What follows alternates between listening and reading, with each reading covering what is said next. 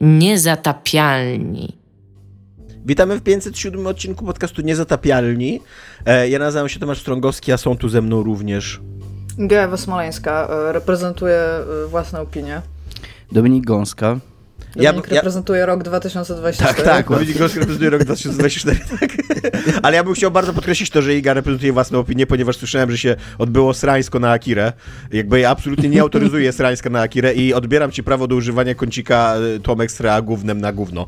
Jakby w kontekście Akiry. Ja nie użyłam tego. Ja, co więcej, bardzo wielokrotnie podkreślałam, że to jest bardzo ważne dzieło popkultury i bardzo się cieszę, że widziałem je w kinie. Ale jakieś tam srańsko się odbyło, jakby. Ja, ja już mam swoje źródła. Tomek, jakby Bokiem ty jako osoba doktoryzowana, e, która jest e, jakby, masz w małym palcu analizę fabularną, motywację bohaterów, e, tam charakter arki i wszystko, nie powiesz mi, że ten film, jeżeli chodzi o motywację bohaterów, jest dobrze wykonany, bo jeszcze, jeszcze też, co, co podkreślałam, nie pamiętam super mocno mangi, Dzieci. ale jestem stuprocentowo pewna, że tamte motywacje w tym filmie Iga, przez to, że zostały Ja cię właśnie opierdzielam za sranie na Akira, a ty strasz na Akira na moich oczach Weto, weto, weto.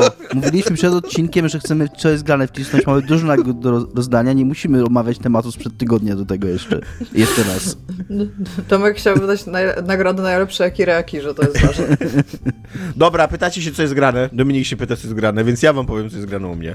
Powiedz. E, bo Iga nie zasłużyła, a ty, Dominik, masz grę sprzed wow. 38 lat i byliśmy na końcu, co jest grane. Sprzed 20, tak? e, więc tak, u mnie Iga jest grany horror, był grany. E, o, dobry horror. Bałeś się? E, tak, bałem się. Dobry horror, o. który bardzo ci polecam, ale pewnie go znasz. Nazywa się Lost in Vivo. E, I tak. zrobił go, znasz? Przeszłam go. Tak, i zrobił go koleś, który się nazywa Kira, który ma pseudonim Kira. Jest podobno jakąś tam legendą branży trochę, że wszyscy go znają i, i cenią i szanują. I jest to horror, który ma w ogóle najprostszy i najgłupszy premis w ogóle w historii horrorów ever.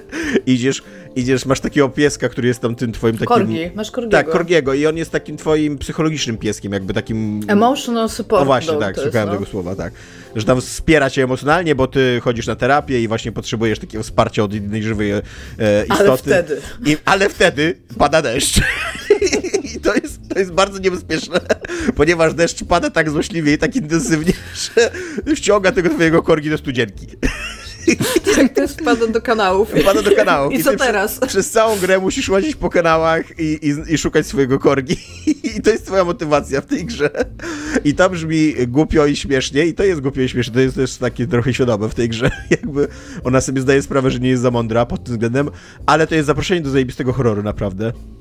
Bo schodzi do tej studzienki i to jest horror, który bardzo bazuje na takich klaustrofobicznych jakichś e, obawach i emocjach. Cały czas łazisz po jakichś ciasnych kanałach, e, masz tam e, field of view bardzo ograniczony, tak jak my mniej więcej mamy, jakby to przeliczyć na te komputerowe, to mamy to 100, co nie?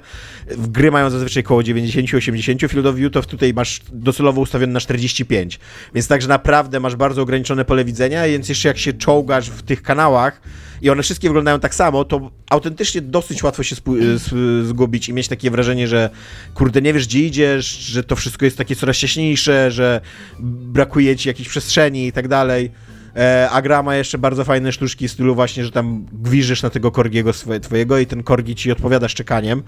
E, I dzięki temu, jak grasz na słuchawkach, bo gracie bardzo za, zachęcę, żeby grał na słuchawkach, co oczywiście jest podstępem. jak, jak horror ci zachęca, żebyś grał na słuchawkach, to nie dlatego, że tam mają jakąś, wiecie, super technologię jak Synua, tylko dlatego, że chce cię wystraszyć. E, I jest coś takiego, że właśnie, że gwizdzisz na tego korgiego, on tam szczeka i ty niby wiesz, gdzie w miarę, w którym kierunku go szukać, ale na przykład czasem nie odszczekuje, tylko czasem coś innego ci odpowiada i wtedy straszysz pod siebie e, i to bardzo miłe uczucie jest. E, I ogólnie bardzo polecam. Chyba, gierkę. że Akira jest pod tobą, to wtedy aparentnie tak, to nie chyba, jest. że Akira to wtedy nie. E, bardzo polecam tą gierkę. Jakbyście chcieli mały, fajny horror, taki na jakieś 6-7 godzin mi się wydaje, można trochę mniej, e, to, to super sprawa. On jeszcze wygląda tak bardzo retro, właśnie tak w stylu gier na PS1 łamane PS2. Bardziej, dla mnie bardziej na PS1, ale mogę, mogę, mogę się mylić, jak źle wyglądały gry na PS1, nie? E, I on, on szybko się staje takim w miarę normalnym. Ja... Słucham? E, chciałam tylko, bo się zastanawiałam, bo my, e, przypomniało mi się, że my chyba rozmawialiśmy już po części o tym horrorze, bo e, zastanawiałam się, czy, czy ty się zastanawiałeś o co chodzi w nazwie, bo widzę, że rzeczywiście wspominaliśmy o nim już raz w odcinku. Nie. Bo to jest Lost in Vivo. Znaczy, zastanawiałem się i nie wiem właśnie, co znaczy ta Vivo. Bo in vivo to jest przeciwieństwo in vitro. Czyli in vitro to jest coś na zewnątrz, w sensie eksperyment mhm. tworzony na zewnątrz czegoś, a in vivo to jest właśnie wewnątrz i Aha. to się odnosi do tego, że jesteś w tych kanałach i właśnie tej klaustrofobii, co jest takim pretty cool rzeczą i ma super soundtrack ta gra. Ma super soundtrack, ma fenomenalną tak. muzyczkę. No tak, tak. No w ogóle cała jest fenomenalna, w ogóle bardzo, bardzo, bardzo tak, polecam. Bardzo, bardzo fajna gra. Mega Oprócz tego premis, o którym mówisz, bo ta gra się zaczyna po prostu i to jest jeszcze takie, to co powiedział Tomek, to jest zobrazowane tak super dramatycznie. Tak. Jak on wpada do tej studienki i Ale tak, tak piszczy, że on ci wpada i ty widzisz, że on ci wpada, bo to nie jest w ogóle jakoś tak za kurtyną, tylko to, to się dzieje jakby na twoich oczach. Ale jednocześnie, że to jest super dramatycznie, ale jako, że to jest wszystko estetyka PS1, to, to, to, to tam w ogóle nie ma żadnych animacji, ani z takiego, taki, tak. taki model Korgiego, gdzie tak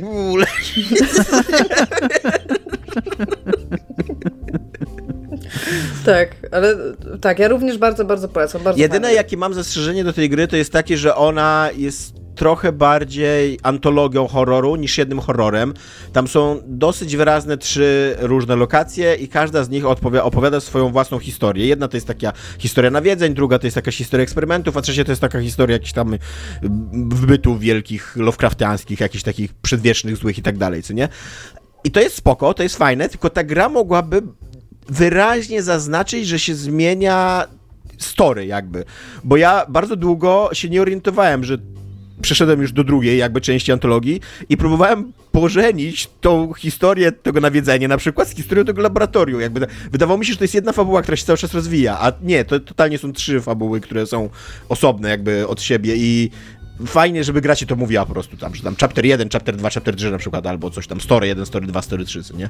Znaczy to też jest taka, ona cierpi na taki jakby, to jest i plus i minus tej gry. Widać, że to jest gra tam zrobiona z potrzeby serca, i widać, że tą grę robiło mało ludzi po prostu, więc ona jest pretty cool, ale tak, no tak jak mówi Tomek, ona też jest tak trochę, stara się wszystko i wszędzie i wszystkie sroki za ogon trochę złapać. Ale ma super muzyczkę. Tak. I... Ja tą grę odkryłam przez muzyczkę, więc... I jeszcze tylko powiem, że to jest survival horror, że to nie jest taki walking sim, tylko tam dosyć szybko dostajesz jakieś uzbrojenie i musisz dbać o to, żeby mieć amunicję i tak dalej. Taki Resident Evilowy, co nie, klimacik, że, że możesz jakby się bronić i tylko to jest rozpaczliwe dosyć i takie desperackie. E, więc tak, to chciałem polecić, a drugie to jest książka, nad którą pewnie trochę dłużej będę gadał, bo, bo ona mi się zasadniczo średnio podobała. E, to, to, są moje ulubione twoje rzeczy, znaczy, a jakby ci się jeszcze mocno, mocno nie nie, właśnie nie, nie, nie, chcę, nie chcę jej obsrać, bo to nie jest tak, że to jest zła książka, tylko E, książka ma, tak, najpierw zacznijmy od podstawowych rzeczy. Książka ma tytuł Grunge, Bankarty Seattle. E, jak się łatwo domyślić, jest to książka o grunge'u, taka po prostu przekrój taki historyczny e, przez zjawisko, jakim jest grunge od lat 80., e, od wczesnych takich inspiracji punkowych, poprzez wykształcenie się całej tej sceny grunge'owej w Seattle e, i aż do no do zmierzchu takiego w, już w latach 00, no i oczywiście przechodzi przez cały ten taki największy, mm, największy fenomen y, grunge'u, jakim, jakim był Ari, nie, nie R.E.M., co ja mówię, Pearl i ten, i Nirvana, co nie? E, I ten taki, taki błysk, kiedy oni tam za, zawładnęli jakby całym światem, zwłaszcza Cobain, co nie? Zawładnął tam wyobraźnią milionów. Napisał ją Polak, napisał ją Piotr Jagielski, którego bardzo szanuję za to, że w, nigdzie w tej książce nie jest napisane, że to jest syn Wojciecha Jagielskiego, najsłynniejszego polskiego reportera e, i, i to dobrze. Nawet jak dziękuję, to nie dziękuję jakby, to, to, to dziękuję tylko rodzicom, co nie? Nie, nie, nie piszę tam, że tam tacie Wojtkowi albo coś takiego, co nie? E, e, Piotr Jagielski do tej pory zajmował się również muzyką, chyba napisał książkę o jazzie i zajmował się piłką nożną, na przykład napisał książkę o Legii. Więc takie dwa dosyć dalekie od siebie zainteresowania ma. E, I jest ta książka z jednej strony ciekawa, bo no bo jest dla mnie przynajmniej grunge takim absolutnie podstawowym doświadczeniem muzycznym, które się wydarzyło w moim życiu, nie? Takim ja cały z grunge'u, co nie? Z tym, chociaż, chociaż dzisiaj już nie potrafię słuchać takiej muzyki i, e, i dzisiaj już raczej, raczej jestem daleki od grunge'u, ale całą moją taką jakąś e, wrażliwość muzyczną i jakąś taką, nie wiem, e, takie myślenie o tym, co jest autentyczne w muzyce, na czym polega jakaś taka sztuczność, czy coś takiego. E, to wszystko właśnie mam z grunge'u i, i dużo w ogóle w tej książce jest takiej mowy o tym właśnie, jaki grunge był autentyczny i jaki, jaki był wspaniały i tak dalej, nie? A nie masz czasami tak, że sobie wracasz na przykład, nie wiem, do Pearl Jamu albo Nirvana? Mam. Mam mhm. czasem tak. To są dosyć krótkie powroty. Eee, na przykład nie potrafię słuchać płyty Pearl Jamu, którą kiedyś kochałem, płyty ten, dłużej No właśnie niż... chciałem powiedzieć, że ten mam tak, że tam raz na rok sobie odsłuchuję raz. No właśnie, nie potrafię ten, jej, jej słuchać dłużej niż raz. Ja Ale tak ten mam... to jest w ogóle fenomenalna płyta, bo ona ma praktycznie wszystkie kawałki z niej to powinny być single, nie? Więc jakby... To jest dokładnie ta sama sytuacja z Nevermindem. Miałem dokładnie to samo z Nevermindem. Też raz na jakiś czas go sobie puszczam i słucham go raz tak. E, ale to jest zajebista płyta. Tam, tak jak to jest tak, ten akurat mało, ja, nie, ja Pearl Jam odkryłem później już. Nie znam mm. tak dobrze Pearl Jamu, ale Nevermind to tak, tak samo. Tam każdy kawałek mógł być singlem praktycznie. No właśnie. Bardzo trudno się poleca, jak się jest nastolatkiem, płytę ten komuś, bo mówisz, weź sobie posłuchaj płytę Pearl Jam ten. I jakby czekasz na tą nazwę wciąż. I tam i nie przychodzi. E, ja właśnie, jeżeli chodzi o Nirvana, to bardziej niż Nevermind wolę In Utro e, czyli tą ich ostatnią, znaczy nie ostatnią, bo później jeszcze wyszła ta składanka MTV, e, ale też totalnie mam tak jak Dominik, nie także, ale, ale, ale kocham tą płytę, ale ona jest zajebista, w ogóle najlepsza płyta rockowa w historii, nie? Okej, okay, przesłuchałem raz, nara, bo ro, ro, rok przerwy, nie? No to, to Spotkamy ja tak się w 2025, nie? Aż już przesłuchałeś w tym roku, tak? Tak, tak, już przesłuchałem, bo, bo tą książkę go. czytałem, nie? E, I nawet do tej, do, takiego stopnia nie potrafię dzisiaj już słuchać takiej muzyki, e, że bardzo dużo w tej książce, o której mówię, czyli w tych, tych bankartach Seattle jest mowy o Matt Honey. E, to jest w ogóle taka najważniejsza chyba kapela, jeżeli chodzi o gatunek muzyczny. Nie jeżeli chodzi o sukces, tylko o to, jak jak wyglądała e, ewolucja tego, tego gatunku, jak właśnie kto, kto tworzył tą scenę w Seattle, jakby przed Pearl Jamem, przed Alice in Chains, przed e, Nirvaną było Honey, oni wszyscy kochali Honey, jakby to Honey właśnie obroniło taki swój wizerunek takiej niezależnej kapeli do końca, że się nigdy nie wyprzedali, co znaczy, że po prostu, że nigdy nie odniesie sukcesu wielkiego, co nie? E, no i, e, I bardzo ciekawie mi się czytało o tym Mathani i, i byłem e, taki all-in, że okej, okay, będę teraz słuchał Mathani, co nie? To jest prawdziwy gracz. Totalnie przesłuchałem tam z pięć piosenek, okej, okay, jakby tam spotkamy się w 2025. ja wetnę się na chwilkę tylko, bo później mi to ucieknie. Tobie chyba, Tomek, to mówiłem, ale może nie a na pewno nie mówiłem tego słuchaczom, więc mogę przy okazji polecić. Jest y, z okazji chyba 25 czy 30 rocznicy i jak, jak, wiem, jak wiemy, ja mam problemy z liczeniem lat y, po naszym streamie. Y, In Utero jest taki cykl wywiadów, znaczy to jest jeden wywiad, tylko oczywiście to jest YouTube, więc jest podzielone na ileś tam filmików Conana O'Briena z Growlem i Nowoselikiem, gdzie sobie wspominkują o tym In Utero. Bardzo fajny materiał to jest. Więc mogę serdecznie polecić, wszystkie, wszystkie obejrzałem, mimo że nie jestem takim fanem miniaturek. Tomek. Eee, to jest w ogóle dobry, tak mi się wydaje, trop, że dlaczego mi się ta książka nie podobała, co nie? Eee, znaczy, nie jest tak, że ona mi się całkiem nie podobała, bo przeczytałem ją w trzy dni. Eee, jest napisana dobrym językiem, jakby tam jakoś przed nią płynie i tak dalej. Natomiast to jest taka książka, której ja nie rozumiem do końca, dlaczego ona powstała inaczej, z, z jakiegoś innego powodu niż yy, chęć autora, żeby ją napisać, nie? Bo napisano i stworzono już tyle rzeczy na temat grunge'u. To jest yy, fascynujący kawałek popkultury, okres, nie? Do tego właśnie taki jeszcze, że ludzie, którzy się wychowywali na tym grunge'u jeszcze żyją, działają, teraz właśnie dorośli, mają jakby moce przerobowe. Że nie wszyscy. No nie wszyscy, tak. Mroczne, ale okej. Rozmawialiśmy przed chwilą o takim zespole, słuchaj stary. Głupia sprawa, trochę smutna. No. E, i, I jest naprawdę bardzo, bardzo dużo tekstów kultury i reportażowych, i jakichś takich wspominkowych, i jakichś właśnie filmów, jakichś takich wywiadów i tak dalej, które mówią o grunge'u i mam, mam wrażenie, że zostało już powiedziane na ten temat wszystko, a Piotr Jagielski nie ma żadnego pomysłu, jak powiedzieć coś nowego i oryginalnego, co nie? E, on się opiera w bardzo dużej mierze na swoich własnych wywiadach, które przeprowadził z Dave'em Abruzese, pewnie gwałcę jego nazwisko, ale w każdym razie to był per, perkusista Pearl Jamu przez pierwsze 4 lata istnienia Pearl Jamu, e, albo na przykład z Markiem e, Armem, czyli człowiekiem właśnie, który Marhani stworzył. E, i tam Steven Turnerem też rozmawia, czyli drugim człowiekiem, który stworzył Madhani i jakby to są, widać, że są takie długie, dogłębne rozmowy, wywiady, nie, ale w nich nie pada nic, co by uzasadniło napisanie 350 stron na temat grunge'u, bo to nadal są te same informacje, które już mamy e, na, na, w milionie innych źródeł, nie? Jest przede wszystkim taka książka, która jest oral history, jeżeli chodzi o Seattle i, i, i grunge, czyli wszyscy kochają nasze miasto, historia grunge'u z pierwszej ręki.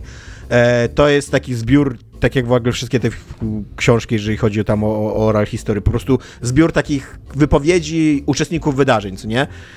I nie dość, że ta książka opowiada całą tą historię grunge'u dużo bardziej wnikliwie i z dużo właśnie takich ciekawszych perspektyw, bo tam dużo więcej osób się wypowiada niż tutaj u Jagielskiego to jeszcze Jagielski bardzo mocno wisi na tej książce. Cały czas ją cytuje. Cały czas tam, gdzie nie ma, gdzie czegoś mu nie powiedzieli ci jego rozmówcy, to on cały czas się odnosi do tej Wszyscy kochają nasze miasto, do tej książki, co nie? Albo jest drugi tekst z kolei o Perjamie, czyli Perjam 20.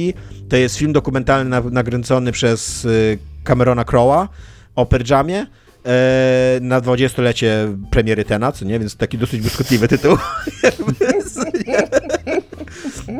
I też, jakby to jest, to jest takie dzieło, które, kurde, jak chcesz coś wiedzieć o grunge'u, to obejrzyj ten film, a w książce Jagielskiego bardzo dużo cytatów znajdziesz z tego filmu, co nie? E, i, I miałem takie wrażenie, że to jest po prostu taka książka, która powstała, bo, bo autor chciał porozmawiać z tymi ludźmi, ale nie udało mu się z tych rozmów wycisnąć żadnej takiej unikalnej perspektywy. Jakby ja się trochę spodziewałem, że być może tam będzie jakieś trochę takiej polskiej perspektywy, czym jak grunge był odbierany w latach 90., może trochę takiej osobistej perspektywy, jak on sam odbierał grunge, jaki był dla niego ważny, może jakieś nie wiem, socjolog... Można, można jakby jakieś takie eseistyczne teksty na przykład napisać. Dlaczego na przykład w grunge'u, tym, tym głównym nurtowym grunge'u, chociaż niby wszystkie te zespoły były bardzo feministyczne, dlaczego tam prawie nie ma kobiet? Nie, na przykład to jest ciekawe pytanie. Albo skąd ta, takie uwielbienie do narkotyków tych wszystkich grunge'owców? To, to byli w miarę normalni chłopacy na początku karier.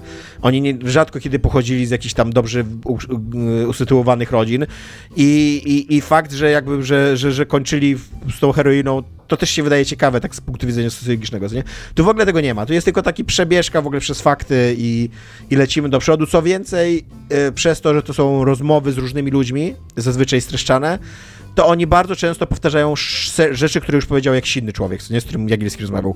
Więc ta książka bardzo często się powtarza, tak, y, tak cały czas, co nie? Jakby fakt, że jest też jakiś taki, taki słynny grunge'owiec Tad, który w ogóle założył, y, założył kapelę, która się nazywa TAD.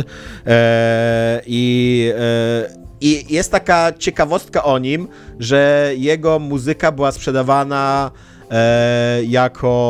On się nazywa Tad Doyle, a jego zespół się nazywa po prostu Tad. E, że jego muzyka była sprzedawana jako takich właśnie takich prostych chłopaków z, ze stanu Washington, spod Seattle, nie takich trochę wieśniaków. I on, że był takim wielkim typem z nadwagą, to go ubierali w te takie koszule, wiecie, y, flanelowe, robili z niego takiego drwala, takiego dzikusa, co nie?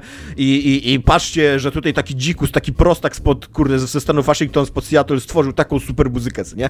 A Tad Doyle był bardzo dobrze wykształconym człowiekiem, który tam skończył jakiś uniwersytet świetnie muzycznie był wykształcony i tak dalej, to wszystko była tylko marketing, nie? I to jest fajna anegdota, ale jak ją czytasz, kurde, piąty raz w książce, to sobie myślisz, okej, okay, już I get it, już, już mi wystarczy. E, więc tak, jakby kończąc temat, y, książka, powtórzę, Grunge, Benkarty Seattle, Piotr Jagielski ją napisał jeżeli jesteście zdesperowani, żeby przeczytać coś o grunge'u i wszystko już inne przeczytaliście, to jest to książka, którą można przeczytać, jakby nie zrobi wam krzywdy ani nic takiego. Natomiast jeżeli naprawdę chcecie się dowiedzieć czegoś o grunge'u, to jest dużo lepszych książek, moim zdaniem. Jest Bądź jaki bądź o Nirwanie, które jest bardzo takim dokładnym portretem tego. Czy to jest, czy to jest Koma? Tak, tak. Takie było polskie tłumaczenie okay. tego, tak. Bądź jaki bądź.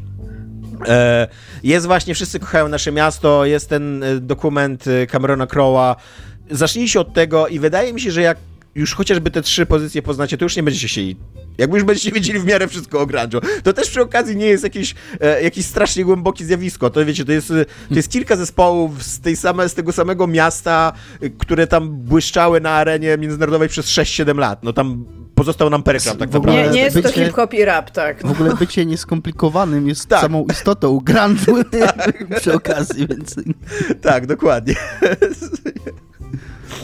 E, więc tak, to jest grane u mnie. E, a e, tymczasem w międzyczasie naszych, e, naszego ego, naszych sobie zgranych, będziemy rozdawać nagrody na szybciocha, że...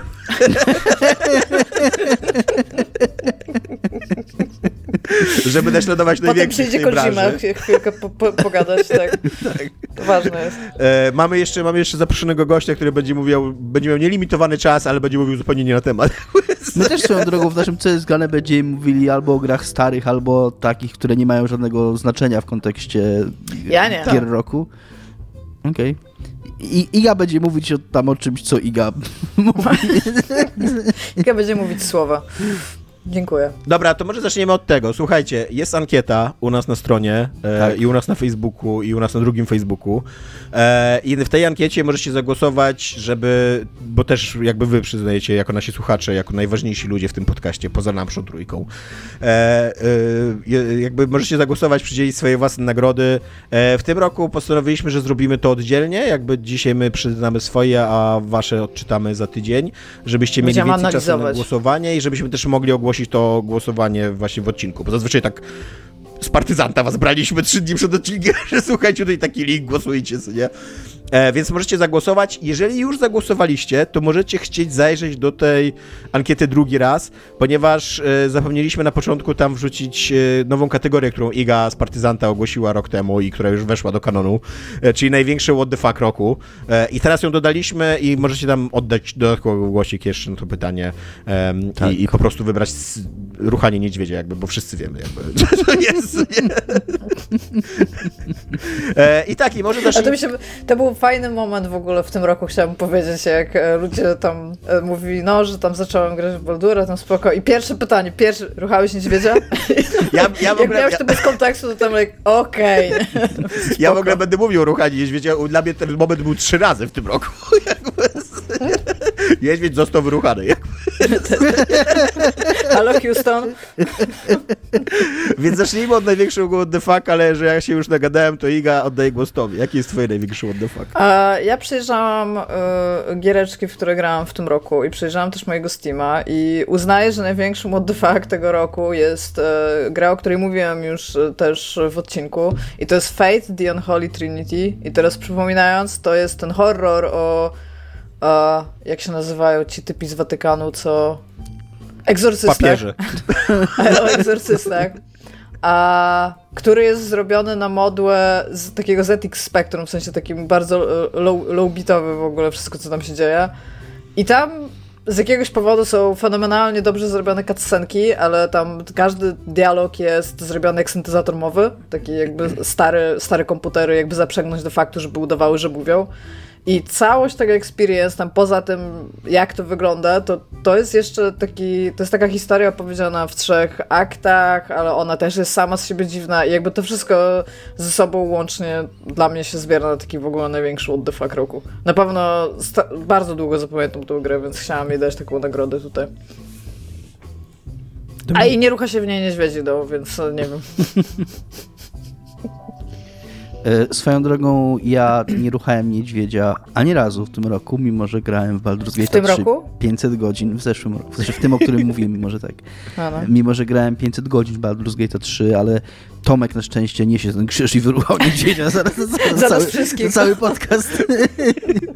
E, moim największym what the fuck What the Fact. What the Fuck jest urządzenie PlayStation Portal zaprezentowane pod koniec roku przez Nintendo. Kiedyś zaczęto mówić o tym, że Nintendo chce zrobić konsolę przenośną, nową, no to od początku sugerowano, że to będzie coś w rodzaju że to nie będzie Steam Deck, nie? że to nie będzie tam Asus ROG, czy jak to się nazywa, ROG Ally, tak? Tylko, że to będzie takie coś do streamingu i to się okazało takie coś do streamingu. Mówisz o Sony, A, nie Nintendo. No właśnie, bo ty powiedziałeś Sony. PlayStation Portal zrobiony przez Nintendo i ja siedzę co się stało? O, przez to Sony, jest, ja mówię, jest what the fuck. No. Przejęzyczyłem się, mówię o PlayStation To był what the fuck. A co jest, co jest śmieszne, bo Nintendo przecież współpracowało przez moment z Sony, nie? Więc jakby taka byłam, like, może, może to się stało, tylko minęło mnie to jakoś. Tak. No. Y przepraszam, mówię oczywiście o Sony i o PlayStation Portal. I, I, od początku było wiadomo, że to nie będzie tak jak Switch, które z kolei zrobiło Nintendo, albo jak Steam Deck, tylko że to będzie urządzenie, urządzenie do streamingu, ale to jak już wyszło i się okazało, że ten streaming można prowadzić wyłącznie z własnej konsoli w domu, chociaż Sony ma swoją własną usługę streamingową, PlayStation Plus, i to, że Sony wydaje konsolę przenośną do streamingu, która nie umożliwia streamingu z ich usługi streamingowej, jest dla mnie tak dziwaczne i tak nie spoko, po... przynajmniej jest droga i brzydka. przynajmniej tak. I, i, I przynajmniej jeszcze krócej trzyma na bateriach niż wszystkie inne przenośne A, to też konsole, ważne, bo ma no. te DualShocki, które nowe, które zżerają super baterie, więc to jest dodatkowy plus jeszcze, nie? Więc... Aczkolwiek wygląda, ja nie miałam nigdy w ręku, ale y, wygląda jakby miała bardzo ładną jakość obrazu. To, to, to prawda. Że być może I tak widziałem ostatnio gdzieś jakąś wrzutkę z Twittera, że ktoś pokazywał, że gra w Wiedźmina 3 w samolocie przez samolotowe... Ma ze sobą swoje PlayStation? Nie, nie, no łączy się przez Wi-Fi. Ma A, okay, no. Wi-Fi w samolocie, jak konsolę masz włączoną w domu, to możesz tak robić. Mówiliśmy o tym wiele razy i mówi, no tylko od czasu do czasu trochę są te takie, wiecie, cięcia, staters, nie? że tak gra, gra przerywa. Mhm. Mi się wydaje, że to jest urządzenie, które ludzie kupują tylko i wyłącznie, żeby się nim chwalić na Twitterze żeby pokazać, o, mogę grać w Wiedźmina w samolocie i tam pogra 10 minut i stwierdzi, no spoko, mogę grać w Wiedźmina w samolocie, co teraz, nie? nie co teraz? Mogę dalej... też grać w Wiedźmina w samolocie na Steam Decku? To prawda i nie mieć żadnych y, przycięć i tak dalej, nie? Więc y, dla mnie to jest taki, kurde, okej, okay, wyobrażam sobie przypadek użycia, który być może nie jest aż taki rzadki. Nie jest tak, że ja ignoruję tych ludzi. Ludzie, którzy mają rodziny, mają ileś osób w swoim gospodarstwie domowym, mają PlayStation 5, mają kogoś, ktoś inny używa telewizora, więc ktoś może wziąć tego tego handhelda w cudzysłowie i sobie usiąść gdzieś na kanapie i grać, nie? No więc może, ale dla mnie to, mówię, to, że tam nie ma, po pierwsze nie ma streamingu z PlayStation ale... Plus, a po drugie nie ma tam żadnej takiej nawet podstawowych funkcji, jakiegoś media playera, jakiejś przeglądarki internetowej, wiecie, żeby to samo w sobie coś robiło oprócz łączenia się z PlayStation. Coś Iga Chciała powiedzieć dwie rzeczy, że wciąż, jeżeli ktoś ci zajmuje telewizor, a ty musisz grać już tego Wiedźmina na kanapie, to być może jakby te 1500 zł można przeznaczyć na coś innego. A po drugie sprawdziłam i w Wiedźmin w samolocie można grać również na laptopie. Na Switchu, z Linuxem i Windowsem. Na Switchu, tak właśnie. Na Androidzie, więc na tablecie i iOS też to ma, więc myślę, że na odpowiednio y, skonfigurowanym sprzęcie Apple'a y, przenośnym jakby też można sobie pograć i jakby nie jest to być może na, najlepszy sposób, żeby grać w Wiedźmina w samolocie. Właśnie, bo, bo, to wszystko działa przez, y, przez ten streaming Sony, który jest dostępny też na telefonach komórkowych, a do tego jeszcze, żeby to urządzenie było jeszcze gorsze, to nie można z nim używać słuchawek Bluetooth zwykłych, tylko trzeba kupić te specjalne od Sony. więc, jakby, więc jeszcze jeden ciosku na w mordę, nie? Tak, w ogóle to jest, jest o tyle ciekawe, że tak, że jest cały ten, Switch pokazał, że ten rynek portable jest cały czas w ogóle mega żywy i tam mnóstwo ludzi chce mieć taką konsolkę i tak dalej. No i tak, w międzyczasie Steam wszedł trochę na ten rynek, nie? Wszedł Asus na ten rynek, poprzez współpracę Microsoftu z Asusem. Microsoft tak ładnie, dobrze patrzy na ten rynek, co nie coś tu się może ciekawego wydarzyć i nagle Sony wchodzi na cały na biało i że tak stoją właśnie dokładnie takie what the fuck? chyba nie zrozumieliście o co chodzi w tym rynku. Tak. Wyszli na połowę rozmowy, usłyszeli pierwsze, pierwsze dwa zdania i wrócili z tym. Tak swoją drogą, on jest jeszcze położony obok PlayStation na stronie oficjalnej tego urządzenia, jak wejdziecie sobie. I to urządzenie wygląda na wielkie, zważywszy na fakt, że Sony, znaczy, że PlayStation 5 jest wielkie, a to jest tam 3 czwarte wielkości. Jakby położyć jedno obok drugiego. Więc to też najprawdopodobniej nie pomaga grać w Wiedźmina w samolocie. Mam już dość tych Wiedźminów w samolocie.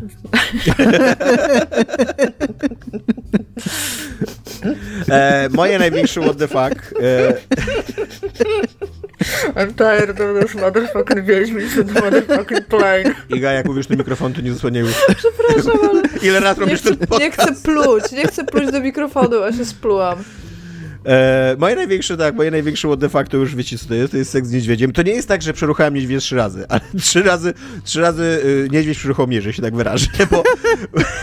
bo, bo Czasami tak jest, no. Bo, je, bo jest, jest sobie ten seks z niedźwiedziem i to jest tak, najpierw jest to ogłoszenie, co nie, to słynne ogłoszenie Baldur's Gate'a, gdzie wchodzi seks z niedźwiedziem i jest what the fuck, co, nie, co, co tu się odpierdzieliło, co nie, Twitch w ogóle zrywa transmisję, e, ludzie są w szoku, internet płonie, ja wtedy byłem raczej niechętny wobec tego, bo uważałem, że to jest przedziwne, um, przedziwny king, jaki tutaj jest głaskany jakby przez, te, przez tą scenę, co nie? E, ale później, jakby drugi raz, jak, jak, jak zacząłem myśleć o seksie z niedźwiedziem, to zacząłem, to Dominik mi podrzucił taką myśl, którą później już kilka razy w internecie różni inni ludzie rozwinęli, że to był geniusz marketingowy, jeżeli chodzi o to, co zrobił co zrobił Larian, bo w tych wszystkich grach się zawsze mówi, że może zrobić wszystko, co nie? Tylko bardzo ciężko to pokazać na trailerze, że może zrobić wszystko i tak naprawdę bardzo często to wszystko to, jest, to są bardzo mało efektowne rzeczy w stylu tam... Skradanie się, tak. bicie. No a tutaj Larian pokazuje, że autentycznie możesz przeruchać niedźwiedzia. jakby, jak definiujesz, możesz zrobić wszystko. Jeżeli seks z niedźwiedziem nie jest jakby w tym, w tym zbiorze robienia wszystkiego, to to masz małą wyobraźnię. Tak, e, właśnie, to zwiększ swój zbiór stary. Nie? Więc tak, więc, więc spojrzałem na to z jakąś taką ciekawością i z takim docenieniem, że okej, okay, rzeczywiście to był bardzo sprytny ruch, e, a później losy mojej postaci potoczyły się tak, że, że kiedy przyszedł czas, to przeruchałem niedźwiedzia. mimo, że, mimo, że nie lubię tej postaci i byłem przeciwny tego, to jednak jakby roleplayowanie zaprowadziło mnie w te tereny. Czemu nie lubiłeś tej postaci, mogę się zapytać? Nie lubię w ogóle Haslina, bo jest mega, mega nudny taki na maksa. Są dwie takie postacie, on i ten y, z rogami Will. typ, Will.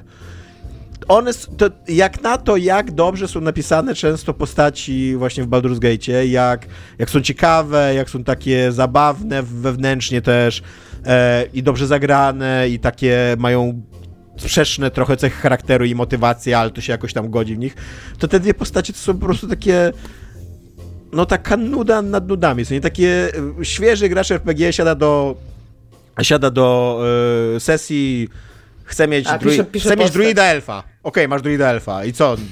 Jest, jest wielki i nudny. Okej, okay, jakby. Odgrywaj to. Ale Will ma przynajmniej Eldritch Blast, taki robi tak więc szczela do ludzi. Will ma tą demonicę, z którą się przespałem, to jest ciekawe. Nie, ale szczerze mówiąc, ja się zgadzam z tobą co do tych dwóch postaci, że są najgorsze, ale jeszcze Will przynajmniej ma jakieś tam backstory tragiczne i coś tam się dzieje, ale, ale Halcyon to jest takie w ogóle totalne nic w tej grze, to prawda. Poza tym, że jest świetny w łóżku. ale czy on? to, to jest... e, więc to jest moje what the fuck roku. E, I tak, Iga, wszyscy się zgadzamy, że nie masz szans wygrać. Jakby wybrałeś grę, która ma mniej niż tam 100 recenzji na Steamie, jakby nikt jej nie zna. Znaczy, jakby ja wiem, że w moim sercu je wygrałam, ale rozumiem, że wasze typy są lepszym what the fuck roku, no. E, to wybierz w takim razie, bo tak naprawdę twój głos... Znaczy, tutaj... bo to jest tak, jakby ja się bardzo zawiesiłam na tym, co powiedział Dominik, bo uważam, że to jest wielki what the fuck, ale twoje jest takie, że jak to damy, to będziemy przynajmniej za dwa lata pamiętać, o co chodziło. nie wiem, czy się zgadzacie, że zobaczymy ja, te nagrody, a ten portal umrze. On za, za trzy tak. miesiące nikt już nie będzie wiedział, co to jest, więc ja bym dała niedźwiedziowi tą nagrodę ja, po prostu, Ja też bym dał niedźwiedziowi tą nagrodę, szczerze mówiąc. I w sumie jego ma rację. Koniec końców I to jest taka portal. piękna nagroda. What the fuck? Niedźwiedź. tak. tak. A tam to granie w Wiedźmina w samolocie jakby się, się nie uda, nie? Jest w ogóle mam patrzeć na te urządzenia i tam mają taki applet, że można je sobie tak e, jakby obracać w 3D, nie? I jakby jest, jest coraz gorzej. Im więcej się patrzy na to urządzenie Sony, tym jest, jest, jest po prostu coraz gorsze, nie? Dominiku, najlepsza gra, w którą nie grałeś w tym roku? Hi-Fi Rush. To jest gra, którą znaczy to nie jest do końca prawda, że w nią nie grałem, bo grałem w nią jakieś 10 minut. Ale myślę, że to się wow. mieści, mieści w ramach yy, tam jakiegoś tam błędu statystycznego, tak? Bo odpaliłem ją i jakoś mnie po prostu nie wciągnęła, jakoś nie miałem ochoty do niej wracać. która, którą Microsoft i Tango Gameworks, jeżeli dobrze pamiętam, to studio Bethesdy, wrzuciło nagle na... Ja bym chciała powiedzieć, że to jest to studio od Evil Within i Evil Within 2. I oni zrobili Hi-Fi Rush. Jakby to, to tak. jest to tak. studio. No. Microsoft to wrzucił bez zapowiedzi na, do Game Passa i ta gra została bardzo cieple przyjęta i przez krytyków, i przez graczy. Dużo się o niej mówiło. Dużo się mówiło o takiej jej świeżym gameplayu łączącym takiego akcyjniaka bitemapa z grą rytmiczną, muzyczną, taką, że tam trzeba było taką bossy robić do muzyki, co brzmi jak totalnie coś dla mnie. I przy okazji jest w Game Passie, więc miałem to za darmo.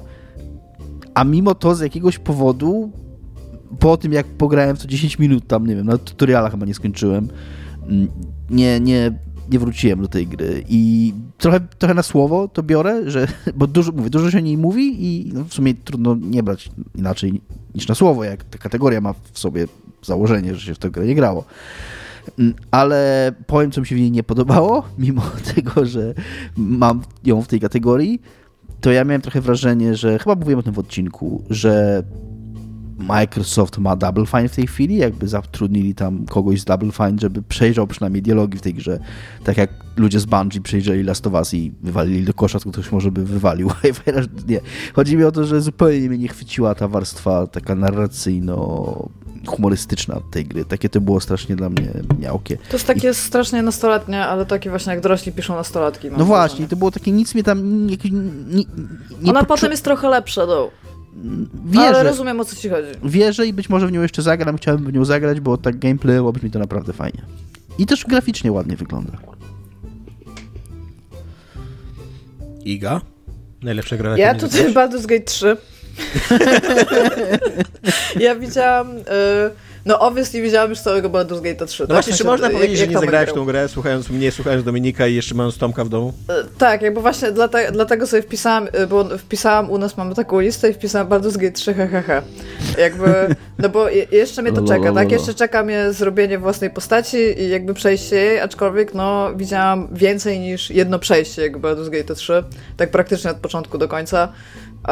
I no, wygląda to fenomenalnie, więc na pewno tylko, że mnie, mnie przeraziło. Ja w tym roku miałam dosyć mało czasu na cokolwiek. I po prostu ten, to takie zaangażowanie czasowe, które ja bym miała włożyć w tę grę, nie? że no sami wiecie, Dominik to już chyba najlepiej wie, jak przechodziłeś te early accessy. To nie jest tak, że sobie siadasz sobie, a sobie pogram trochę w Baldur's Gate 3. Jakby tak to nie działa, nie? Więc no muszę sobie znaleźć taką przestrzeń po prostu życiowo, że teraz gram w Baldur's Gate 3. Także siadam i gram w RPG jakby, nie? Więc to mnie jeszcze czeka i co więcej nie mogę się doczekać przez to, że znam już tą grę, tak? To jakby to, chcę, to chcę w nią pograć. Aczkolwiek e, to, co jest dla mnie też super ważne w Baldur's Gate 3, e, właśnie przez to, jak dużo widziałam tej gry, to jest, to jest bardzo, bardzo, bardzo dobra gra, która ma też dużo swoich wad. I jakby to mi się chyba w niej jeszcze bardziej podoba, że ona nie jest taka jakby to powiedział Witkacy, taka wylizana, jak sztuka, to taka tam do sprzedaż, taka ładna. Tylko, że tam widać, ten, widać tu systemowość. Co powiedziałby jest... Witkacy o Baldur's Gate 3 to jest bardzo ciekawe. Mieliśmy ostatnio rozkminę tak swoją drogą a propos tego. Myślę, że Witkacemu A... niektóre aspekty Baldur's Gate 3 mogłyby się bardzo spodobać. Tak. Na przykład seks Na pewno. Tak, seks z niedźwiedziem na pewno. 10 na 10 Witkacy. Ale mieliśmy ostatnio rozkminę, bo nie wiem, czy pamiętacie, że e, powstał samochód Picasso, Citroen Picasso. No był taki samochód, no jakby to, to była taka bardzo dziwna y, rozkmina na temat tego, dlaczego on jest podpisany podpisem Picasso, takie jak on się podpisywał na, na obrazach, nie? I mieliśmy rozkminę, bo jest to AI, który robi obrazy i się nazywa DAL-I i jestem stuprocentowo przekonany, że jakby DALI wiedział, że jego nazwiskiem nazwano AI, które robi tam kłacz wizualny, to by był zachwycony tym faktem. Tak a propos rzeczy. No ale tak, mam Baldur's Gate 3, jakby I tyle. Jakby... Nic ci nie zrobimy. tak, właśnie, tutaj rzucam mikrofon. No, Tomek, a ty? E, moją najlepszą grą, w którą nie zagrałem, jakby, wiesz, Iga, że znowu nie, wygra, nie wygrasz, jakby za dużo... Wygram totalnie. My za dużo graliśmy Tutaj... w Baldur's Gate 3, żeby móc w ogóle dać to Ale wyobraź sobie, że jeszcze nie grałeś w Baldur's Gate 3. Nie jestem sobie w stanie tego wyobrazić, Iga, ja ruchałem niedźwiedzia w Baldur's Gate 3. To są rzeczy, których nie, nie jesteś w stanie wyprzeć. Wy, ja chciałem, chciałem przypomnieć, że tutaj nie chodzi o zwycięstwo, tu wszyscy jesteśmy zwycięzcami. Jak mówi Sony, czy to, czy to Microsoft, chyba Sony, tak? Że, że when everyone plays everyone win. No, wiecie o co mi chodzi. Dobra, go. Tak, wiem, ja nie wiedziałem.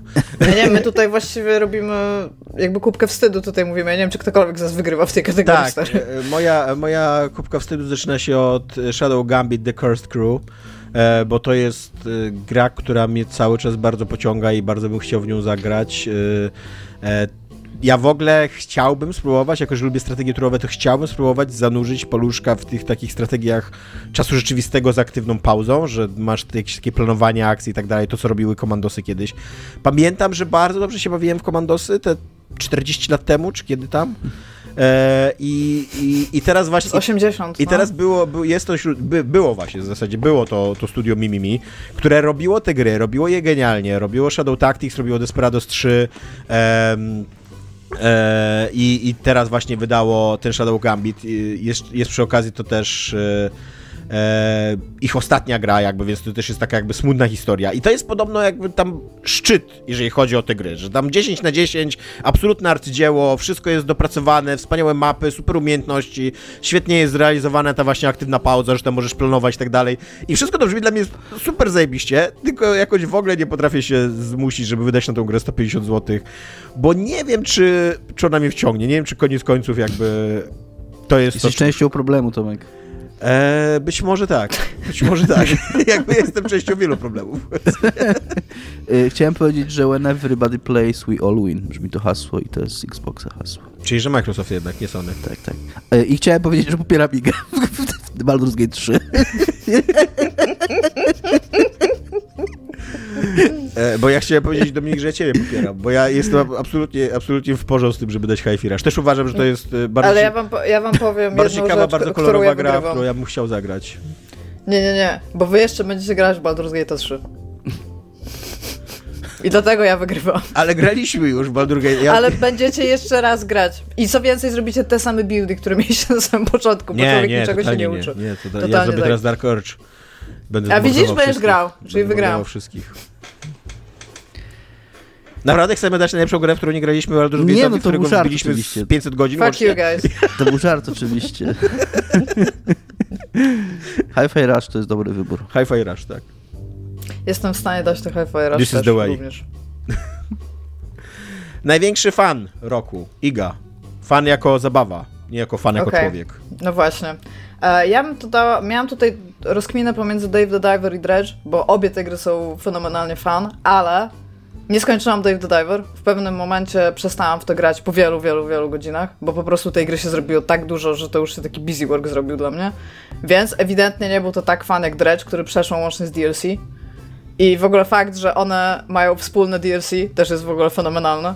A więc dam to Dredge, bo w ogóle w tym roku doczekałam się kilku dużych tytułów podwodnych i o takich zgrozie podwodnej sobie strasznie, strasznie cieszę i Dredge jest takim, moim zdaniem, najlepiej zrealizowanym tego typu grą, plus to jest horror o łowieniu ryb, jakby czego więcej można chcieć jakby od gier. To jest właściwie, nic więcej już nie wymyślimy w tym gatunku. To jest, to jest to jest ten szczyt, do którego jakby dotarliśmy.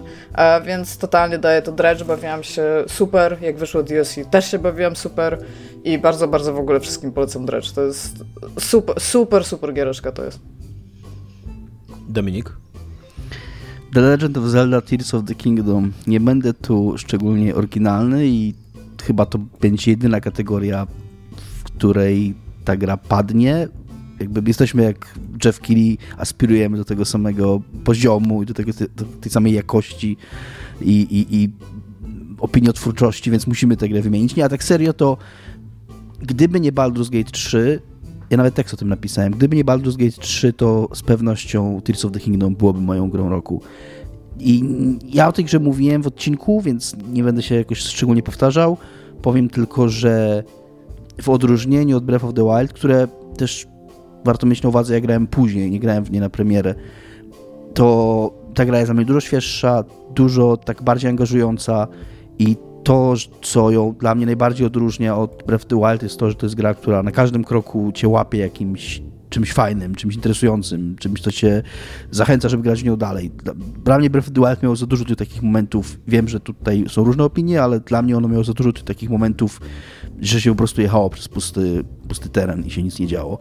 I Tears of the Kingdom radzi sobie z tym, Tears of the Kingdom wprowadza mnóstwo tych zabaw właśnie w zbudowanie i to jest najlepsza gra z elementami budowania i craftingu, w jaką kiedykolwiek grałem, ponieważ praktycznie całe budowanie w niej jest opcjonalne. I uważam, że to jest fantastyczny design. Tam można w niej robić niestworzone rzeczy, co internet pokazał bardzo wszechstronnie. Krzyżujemy koroki, tak, to jest tak, ważne. Ale jednocześnie wszystkie te zagadki można rozwiązać w bardzo, bardzo prosty, w cudzysłowie prosty sposób. Znaczy w ogóle... Yy, bez jakiegoś szczególnego angażowania się w ten system. Ja chciałam też, bo myślałam o tym, żeby dać tutaj i wzięłam i zrobiłam taki inward journey, bo mi Breath of the Wild strasznie siadło, a się zastanawiałam, czemu mi nie siadło tak Tears of the Kingdom. Jak, jak rozkminisz, z których dwóch części zrobić najprostszą rzecz, to przechodzisz tym wszystkie tak, zagadki. Tak, I niestety, ale... pomimo tego, co ty mówisz, ja miałam tak, że ja widziałam na przykład, że znałam rozwiązanie czegoś, ale to, to zajmowało dłużej niż złączenie tych dwóch części, które ze sobą miałam, nie? I tak jakby... Ale właśnie, mówię, tutaj się nie zgadzamy, bo ja... Znaczy, to jest jakby... wciąż fenomenalna gra, jakby nie mam, bo... nie mam z tym żadnego problemu. Znaczy, zgadzamy się do tego, że ta, to coś występuje w tej grze, ale nasza ocena tego jest inna, bo właśnie mm -hmm. moim zdaniem to jest olbrzymia zaleta tej gry, że ona cię nie zmusza do robienia tego, jakie masz ochoty. A tam jest ciągle mnóstwo innych rzeczy, które można robić poza tym, tym całym craftingiem. Tak, i, i ma tak samo fenomenalne questy, jest y, tam super, super fan grą, tak. Tak. E, moją grą największym, największym fanem dla mnie w tym roku był e, El Paso Elsewhere który jest po prostu takim retro shooterem mm, ciągnącym na maksa. Bullet Time the Guy. Tak, tak, ciągnący na maksa z Max of, Pain, z Max of Painów. I fakt, że e, główny bohater nazywa się James Savage, to też jest Max Payne jest na pewno jakimś dobrym e, kumplem Jamesa Savage'a, nie? E, I jest to gra, której się przede wszystkim bardzo, bardzo fajnie strzela. Jakby na tyle fajnie, że totalnie sobie włączałem Infinite Ammo, bo nie chciało mi się szukać amunicji i po prostu chodziłem przez te plansze i strzelałem i się rzucałem i Wygląda to dobrze, wygląda to fajnie, ma bardzo, bardzo klimatyczną ścieżkę dźwiękową, do tego taką z takim twistem, że czasem jest hip-hopowe są numery, które super pasują. E, i też są takie trochę musicalowe, bo de facto komentują to, co się dzieje w grze, więc w ogóle to, to, była, to był dobry, dobry rok, jeżeli chodzi o musicale w grze, też chciałbym powiedzieć, że nie?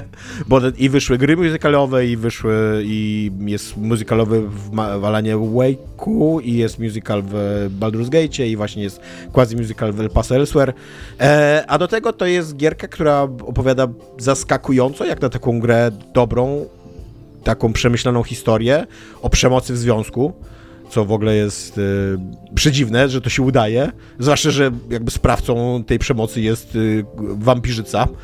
E, e, i, I tak, i jakby bawiłem się super. Nie jest to absolutnie żadne, żadnym, żadnym względem jakby gra roku dla mnie bo ona ma swoje minusy, jest dosyć monotonna, e, jest trochę niedorobiona, e, jest trochę miejscami zbyt osobista, bym tak powiedział.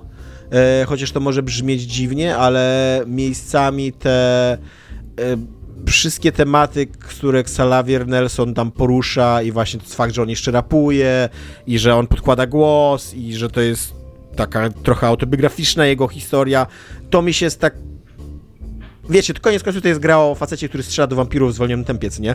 I ta taka właśnie ta, taka osobistość tej gry czasami trochę mnie tak wybijała z doświadczenia, nie? Ale jeżeli chodzi o samo właśnie strzelanie w zwolnionym tempie do, do wilkołaków i, i, i aniołów takich y, zgodnych z biblijnym kanonem, nie, nie, nie takich stworzonych z, ze skrzydłami, tylko tych takich okręgów, które się o, o, obracają w powietrzu i tam są wszechwidzące i tak dalej, no to super się strzela i, i rewelacyjną zabawę daje ta gra i, i bardzo dobrze się w nią bawiłem.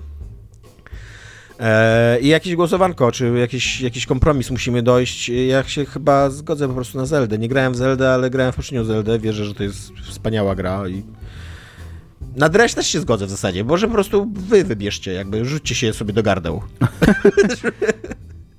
No dla mnie Dredge był bardziej fan niż Zelda, ale to jest kwestia tego, co powiedział Dominik. Ja niestety jako e, przysłowiowy gracz taki targetowy, w momencie, kiedy znajduję najprostsze rozwiązanie problemu, jest mi bardzo trudno zmusić do zabawy w coś innego. Aczkolwiek, jeżeli chodzi o wszystkie elementy niebudowalne w Nowej Zeldzie, to ona jest super fan. Tylko właśnie to, to budowanie przez to, jak szybko udało mi się ten system zepsuć, to niestety sobie zepsułam trochę fan.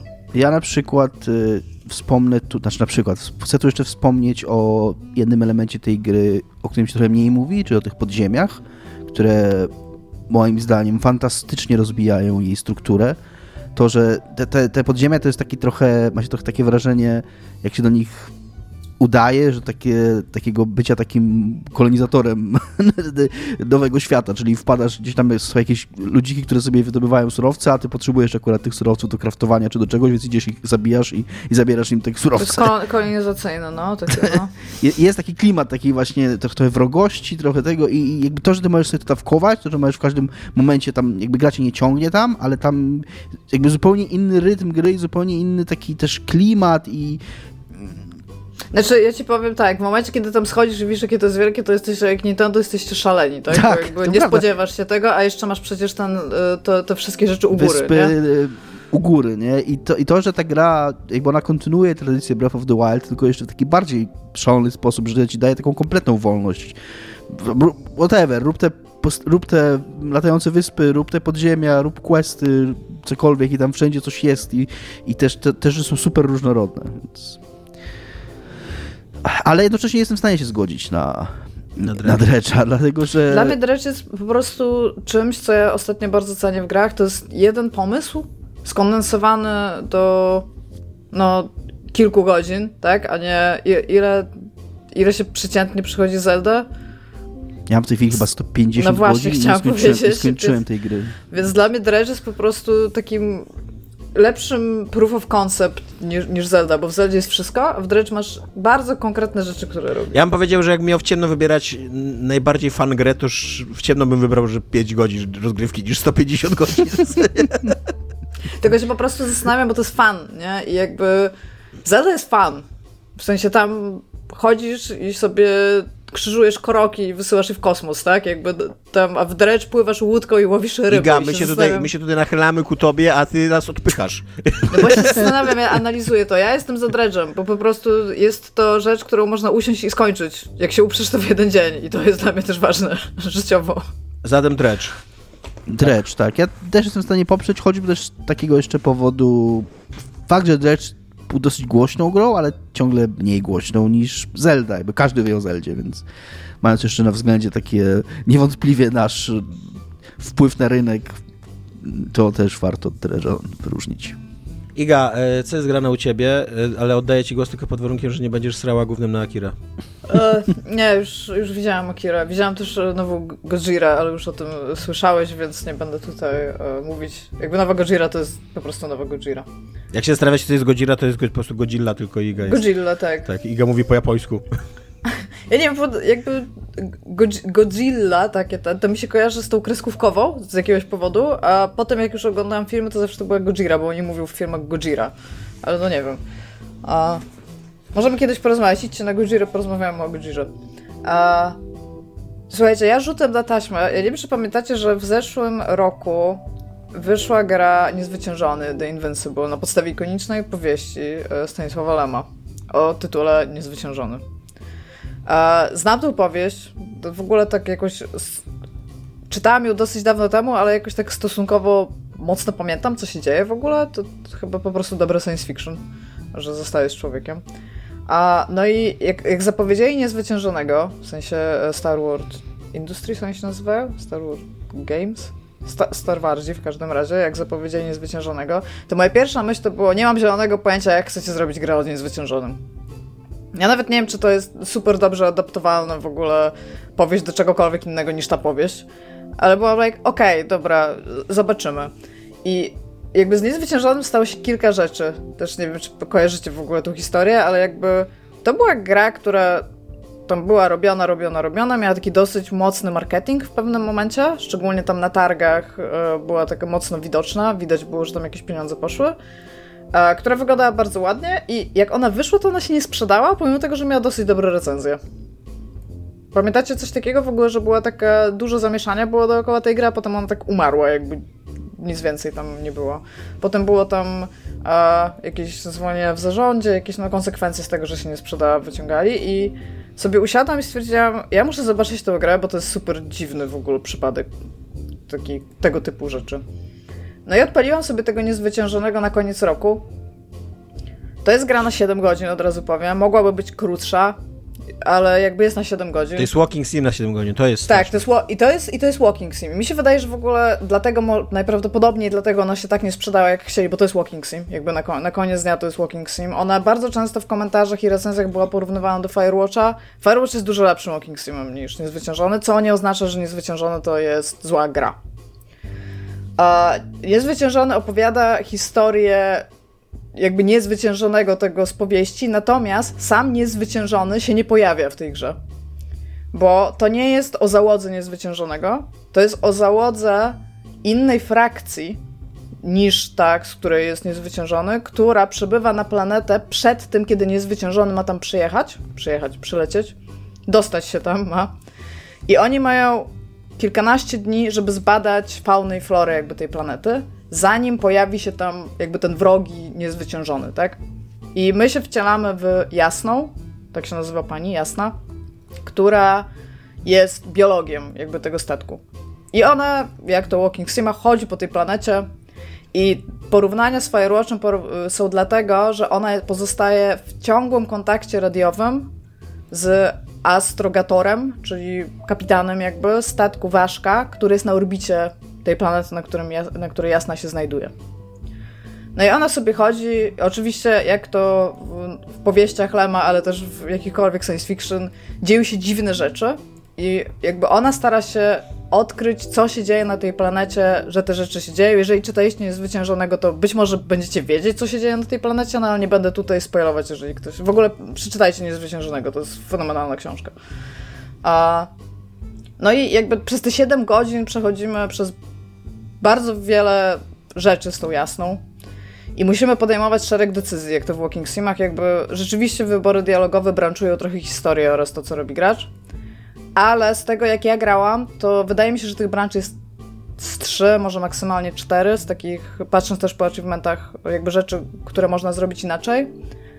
Niestety na samym końcu ta gra się tak troszeczkę mm, rozpada pacingowo, bo tam się nagle się orientują, że trzeba zmieścić jakby bardzo, bardzo dużo rzeczy w te ostatnie tam powiedzmy półtorej czy dwie godziny.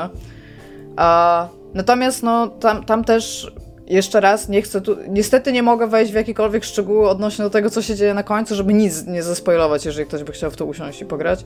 E, tam też dzieje się, główno uderzy w wiatrak w pewnym momencie i tam ten pacing musi troszeczkę, jakby to tempo musi troszeczkę wzrosnąć, ale to wciąż jest walking sim, więc to trochę nie działa. Po prostu. Jakby tam to nie jest shooter, to nie jest e, jakby, to nagle, nagle nie jest jakiś tam e, jakby akcyjniak, tylko wciąż rozmawiają i jest to dziwnie jakby pożenione ze sobą. Aczkolwiek to na pewno nie jest gra, która powinna być klapą finansową. To jest, jeżeli chodzi o to, jakby jej takie gigantyczne plusy, to to jest, to jest chyba najładniejsza obca planeta w grach, jaką widziałam. Już tam nawet No Man's Sky, który miał ładne rzeczy, tak? No Man's Sky był ładną grą. Jakby ta gra pokazuje taką pustynną, jakby bardziej planetę i to jest po prostu fenomenalnie ładne, co się ogląda. Te wszystkie rzeczy, po których się chodzi, tam są takie jaskinie, są takie otwarte przestrzenie, jest burza w ogóle piaskowa w pewnym momencie. To jest wszystko naprawdę bardzo, bardzo ładnie zrobione. Jestem wręcz zakochana w designie rzeczy, bo jeżeli y, znacie twórczość Lema, to ją się ładnie mm, adaptuje na rzeczy wizualne, bo Lem posługuje, Lem pisze science fiction w takiej odległej przyszłości, jakby się wydaje nam teraz technologicznie, tak? Więc wszystkie te rzeczy to jest takie retrofuturo. Tylko takie polskie slash radzieckie retrofuturo, które tam o, jakby oglądamy. To nie jest to amerykańskie, takie falloutowe retrofuturo, tylko takie nasze. I cały sprzęt, którym posługuje się Jasna i ludzie z Ważki, a i potem też ludzie z innego jeszcze statku, który tam jest na tej planecie, jakby jest, jest po prostu przecudownie zdesignowany. Tak jak e, byście oglądali stare komiksy, jakieś science fiction, albo stare jakieś takie rysunki, pocztówki z tego, jak kiedyś mogłaby wyglądać przyszłość i jak, jak mogłyby wyglądać sprzęty. Więc bardzo polecam wizualnie tą grę ale też jakby moim zdaniem to jest bardzo solidny i fajny walking sim. Tylko troszeczkę za długi, jak już zauważył Tomek wcześniej. A powiedz mi, czy to jest taki czystej krwi walking sim, że po prostu tylko idziesz i doświadczasz historii, czy tam masz idziesz, jakieś zagadki, rozmawiasz jakieś interakcje? Z, z ziomeczkiem. Wiesz co, zagadki... Masz kilka takich rzeczy, że na przykład musisz wybrać, co zrobić. Na zasadzie masz coś, na przykład w ręku i musisz zdecydować, co możesz z tym zrobić, żeby popchnąć jakby fabułę do przodu, ale to nie jest takie zagadkowe na zasadzie, że tam masz minigry. Jakby to się nie dzieje. To, to jest taki, no, jak pomyślisz Firewatch, to mniej więcej coś takiego, tak? Idziesz, doświadczasz historii bardziej. I mówię tylko, że jeszcze raz, to jest naprawdę wolne chodzenie na obcej planecie, tak? Jakby to, to się dzieje w tej grze. To jest slowly walking, więc jakby to jest taki walking sim z, po prostu z krwi i kości, książkowy walking sim. Książkowy, I, i dosłownie. To, tak, I, to, i co więcej, jakby no. to nie jest w jakikolwiek sposób nice. minus tej gry, tak? To jest naprawdę fajnie, to, to jest bardzo okej okay gra, mówię. Ma swoje problemy, jak większość rzeczy mogło, znaczy jak większość walking simów mogłoby być trochę krótsze, tak? Nie jest to gra na wieczór, o może w ten sposób. To jest raczej gra na dwa, trzy wieczory, bym powiedziała, tak jak sobie to można ładnie tam jakoś rozbić, ale wciąż jakby moim zdaniem, no na pewno Uważam za niesprawiedliwy fakt, że tam się tyle złego wydarzyło dookoła tej gry, bo ta gra nie jest, to, to, to nie jest, to w ogóle to nie jest zła gra, a już na pewno nie jest na tyle tragiczna, żeby tam w ogóle były jakieś zwolnienia w firmie, tak? Jakby to, to jest po prostu nie fair. To jest, widać, że, że jest dużo serca w ogóle w tej grze włożone. Plus, jeżeli lubicie Lema, to macie tam możliwość dyskutować na temat wszystkie, które najprawdopodobniej Lem podejmował kiedykolwiek w swoich książkach. Można, bo tam są takie elementy dyskusji, że możesz przerwać rozmowę jakby przez radio, albo możesz wejść w dyskusję i masz to zaznaczone, że teraz będą gadać i będziesz musiał myśleć i wybierać sobie odpowiedzi. I to są fajne momenty, ale ponownie na końcu jest tego troszeczkę nagromadzone za dużo moim zdaniem. I chyba z jednej dyskusji w ogóle zrezygnowałam, bo już stwierdziłam, że jakby dobra, lecimy jakby, lecimy dalej, jakby do celu. Więc tak, ma tam też kilka różnych zakończeń najprawdopodobniej. Chciałam odblokować inne, ale nie, wiem, nie wiedziałam, co mam zrobić, tak, bo tam czasami podejmujesz decyzję robiąc coś w grze, tak? Nie, wy, nie wybierając opcję dialogową, tylko przechodzisz tam jaki, w sensie wykonujesz jakąś czynność, która coś triggeruje, może w ten sposób. I chciałam zrobić coś innego i stałam jak taki kołek i po prostu się rozglądałam i nie wiedziałam, co mam zrobić, żeby, żeby stało się jakby na koniec nie to, co zrobiłam w końcu. I nie potrafiłam wywnioskować, więc może jak będziecie grać, to, to wam się uda ładniej, bo nie miałam. Miałam takie moralnie, moralnie szare zakończenie, bym powiedziała, chciałam być lepsze. Ale tak. No mówię, niezwyciężony, jak, jak, jak dla mnie, jak, jak najbardziej, szczególnie, że ta gra na te 7 godzin, ja za nią zapłaciłam na Steamie chyba 100 zł. Jakby nie wydaje mi się to super wygórowaną ceną za, za te godziny i to, jak ta gra wyglądała. A domniemam, że ona będzie bardzo szybko w wyprzedażach teraz, właśnie ze względu na to, co się dookoła niej działa. I ona w ogóle mówi, ona ma w ogóle dobre recenzje. Jak sobie zobaczycie i przejrzycie, to to nie jest tak, że ta gra została jakoś krytycznie niedoceniona albo coś takiego, więc jestem za tym, żeby troszeczkę wspomóc jednak pamięć o niezwyciężonym. E, najlepsza gra, w którą nie graliśmy, mm, zmieniamy niezwyciężony. Nie, nie zmieniamy. Ale ja grałam. Ale my nie graliśmy z Tomkiem. Mnie, mnie przekonałaś. Jakbyście pograli, to moim zdaniem moglibyśmy w ogóle o niej troszeczkę porozmawiać i o tym, czemu te walking simy jakby powinno być ich więcej, bo to, to jest też odświeżające pograć sobie w takiego takiego walking sima z kiedyś, jakby, nie? Bo to jest taki naprawdę walking, walking sim, książkowy walking sim, tak jak powiedział Dominik, nawet dobrze, że, że tam, znaczy, ten książkowy tutaj hits hard. Prosto Lem, no, ja lubię Lema. Nie wiem, czy wy lubicie Lema, ja bardzo lubię Lema ja mam konflikt wokół Lema. Są rzeczy Lema, które bardzo lubię, na przykład właśnie Niezwyciężonego, Solaris i tak dalej. I, I, tu się kończy, tak? Okej, okay, nie Niezwyciężonego i Solaris. A bajki robotów? Albo A są rzeczy Lema, których nie trawię w ogóle. Właśnie bajki robotów, e, to coś o tam, że tam facet jeździ kurde windą. E. e... Człowiek z Marsa. Tak, możliwe. Tak, eee... Ale to jest centralnie książka o typie, co jeździ w betonowym budynku windą w kółko i w kółko i w kółko i przychodzi z pomieszczenia do pomieszczenia, tak. Tak, i dzienniki gwiazdowe próbowałem, też mi w ogóle nie weszły. Cyberiadę próbowałem, też mi w ogóle nie weszła, więc no jestem bardzo taki ja... Czy lubisz tego dojrzałego Lema, który robi science fiction of mystery, jakby, a nie wydaje science fiction się, of wydaje action? Wydaje mi się, że lubię dwa największe arcydzieła Lema i to by być może potwierdzało trochę fakt, że to są jego arcydzieła, że znaczy, nawet no, ktoś, kto Solaris... nie lubi jego twórczości, docenia te dwie książki. Solaris mocno odstaje od Człowieka z Marsa, to mogę stwierdzić jakby, wiesz, tam w każdej porze dnia i nocy obudzisz mnie w, w, środ tam w środku nocy, to powiem ci, że Niezwyciężony Solaris to są naprawdę wybitne dzieła science fiction, tak.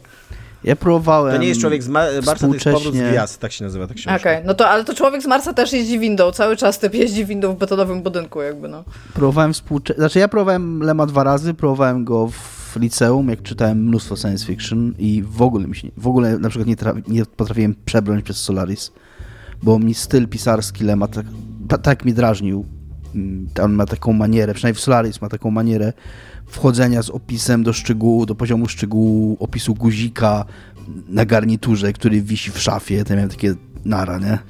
No bo jak ty e... lubisz Dicka, a on nie opisuje no właśnie, nic. Dokładnie. No to... Jakby ja wtedy czytałem Dicka i ja chciałem to the point, nie? A współcześnie próbowałem Cyberiadę i było okej, okay, ale tak nie, nie, nie, nie zapragnąłem czytać więcej Lema. Ale ten niezwyciężony może, może. W tej Niezwyciężony to jest formie. naprawdę bardzo fajny science fiction. Dobra. Yy, Dominiku, najlepsza Tomku. gra 7 na 10. Ty jesteś wielkim fanem tej kategorii, więc tutaj prowadź nas w rok 2024. Bądź e, przewodnikiem.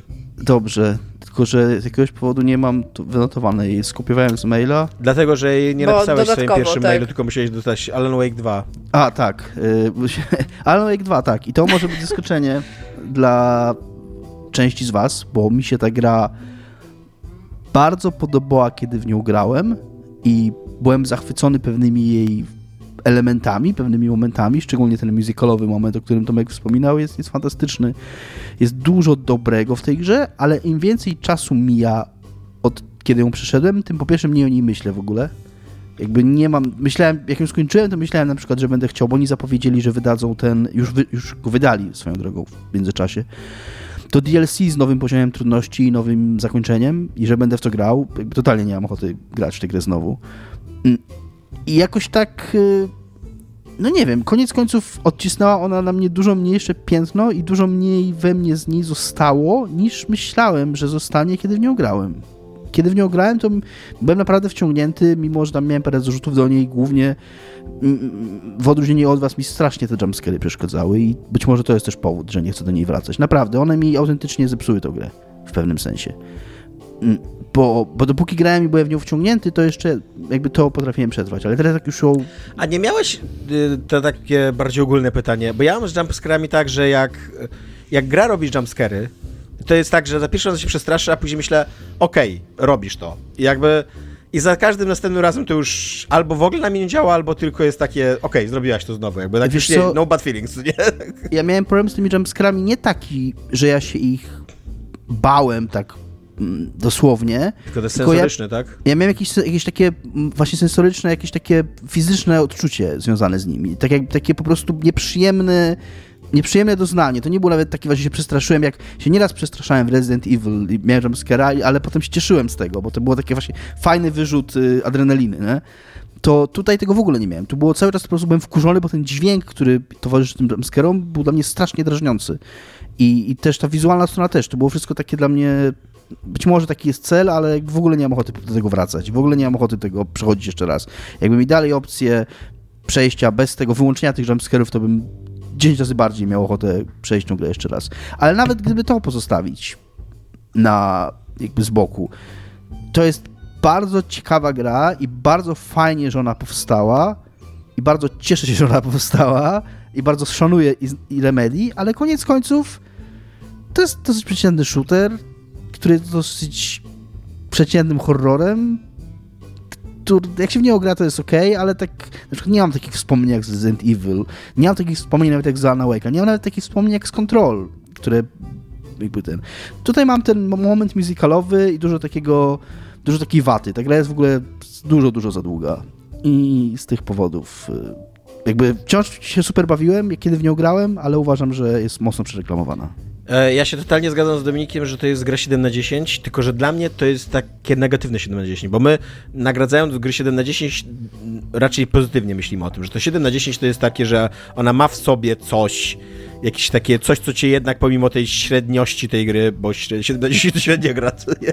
Jakby przeżyjmy to jeszcze raz. To się w ogóle wzięło chyba od Remember Me, nie? Że tam tak. to, jest, to jest taka gra z sercem, no ale nie tak. więcej niż 7 na 10. A ja właśnie mam tak o Alanie Wake'u 2, że to jest takie negatywne 7 na 10, że to jest taki średniak, który E, fakt, że ma ciekawe momenty, ma ten musicalowy, ma przede wszystkim ma sekwencję, kurde, w tym domu Startus, nie? To ona jest rewelacyjna. Ona w ogóle pokazuje, jak dobra ta gra mogłaby być, gdyby komuś zależało na zrobieniu dobrej gry, a nie na zrobieniu meta, komentarza do gatunku, jakim jest literacki horror, jakim są seriale, mystery seriale telewizyjne e, i jakieś kino, kurde, niezależne, europejskie. Notabene Alan Wake komentuje 10 chyba gatunków jakichś artystycznych, w ogóle nie przyjmując do wiadomości tego, że jest grą wideo. Jakby to, to tym w ogóle nie jest zainteresowany. Jakby komentarzem, takim metakomentarzem wobec samej siebie, co nie? Wobec gatunku, którym rzeczywiście jest. Ona próbuje być powieścią Kinga, próbuje być Twin Peaksem, próbuje być europejskim kinem niezależnym, a nie próbuje być grą. Znaczy jest grą, tylko że taką właśnie 7 na 10 w takim negatywnym świetle, co nie? Więc ja, y, jak podobnie jak Dominik, jakby zmienia mi się pogląd na Alana Wake'a, ale chyba bardziej negatywnie. Zwłaszcza, że jak tam jeszcze będziemy mówili, ja mam jeszcze bardzo duże zarzuty do tego, jak się mówi o Alanie Wake'u. Uważam, że bardzo niesprawiedliwie się mówi o Alanie Wake'u. Jakby yy, bardzo wiele rzeczy się przemilcza. Moje 7 na 10 to jest Aliens, Dark Descent, które totalnie jest grą 7 na 10 nawet po podtytule, jakby, nie tam, tak, e, e, tak e, jakby mm, typowy podtytuł dla gry, tak popularny, to, to jest w ogóle ciężko jest wygooglać tą grę? Jest autentycznie jest inna gra, która się nazywa Dark Descent? Więc to e, nawet pod tym względem to jest po prostu taki mm, taki średniak, taki przeciętniak. E, I on ma też swoje problemy techniczne, bardzo duże. Być może teraz już jest lepiej ta gra zrobiona. Jak się grało w nią na premierę, tak jak ja w nią grałem, to to była mordęga e, w kilku momentach. Natomiast ona właśnie jest taka gra, w której ja bardzo wiele wybaczałem tych problemów technicznych, jakiegoś takiego średniego pisarstwa, grzęźnięcia we wszystkich alienowych stereotypach, jakby zupełnie nie szukania czegokolwiek nowego w tej marce, e, bo to, co ona robi dobrze, czyli oddaje ten klimat alienów, to robi naprawdę dobrze. To, to, to robi, kurde, rewelacyjnie. Gra, fakt, że to nie jest taki właśnie jednostkowy horror, tylko że to jest horror nastawiony na zespół, że ty jakby idziesz tym zespołem, reagujesz na te obce, te obce cię atakują, gdzieś tam musisz coś planować, masz jakieś otwarte w miarę tereny, po których... Podoba mi się te obce. No, bardzo mi się to podoba, zostawmy to. Zmówmy tak o obcych. Yy, I, i, I pod tym względem jakby oni autentycznie przygwoździli coś, co jest bardzo trudne. Nie tak jak, tak jak Alien Isolation chyba przygwoździło ten klimat pierwszego obcego, takiego właśnie jednostkowego horroru, gdzie zma e, zmagasz się z jakimś, z jakimś potworem, tak e, Aliens Dark Descent przygwoździło klimat tego drugiego obcego, tego Jamesa Camerona, gdzie to jest bardziej film akcji z jakimś takim twistem horrorowym grozy, nie?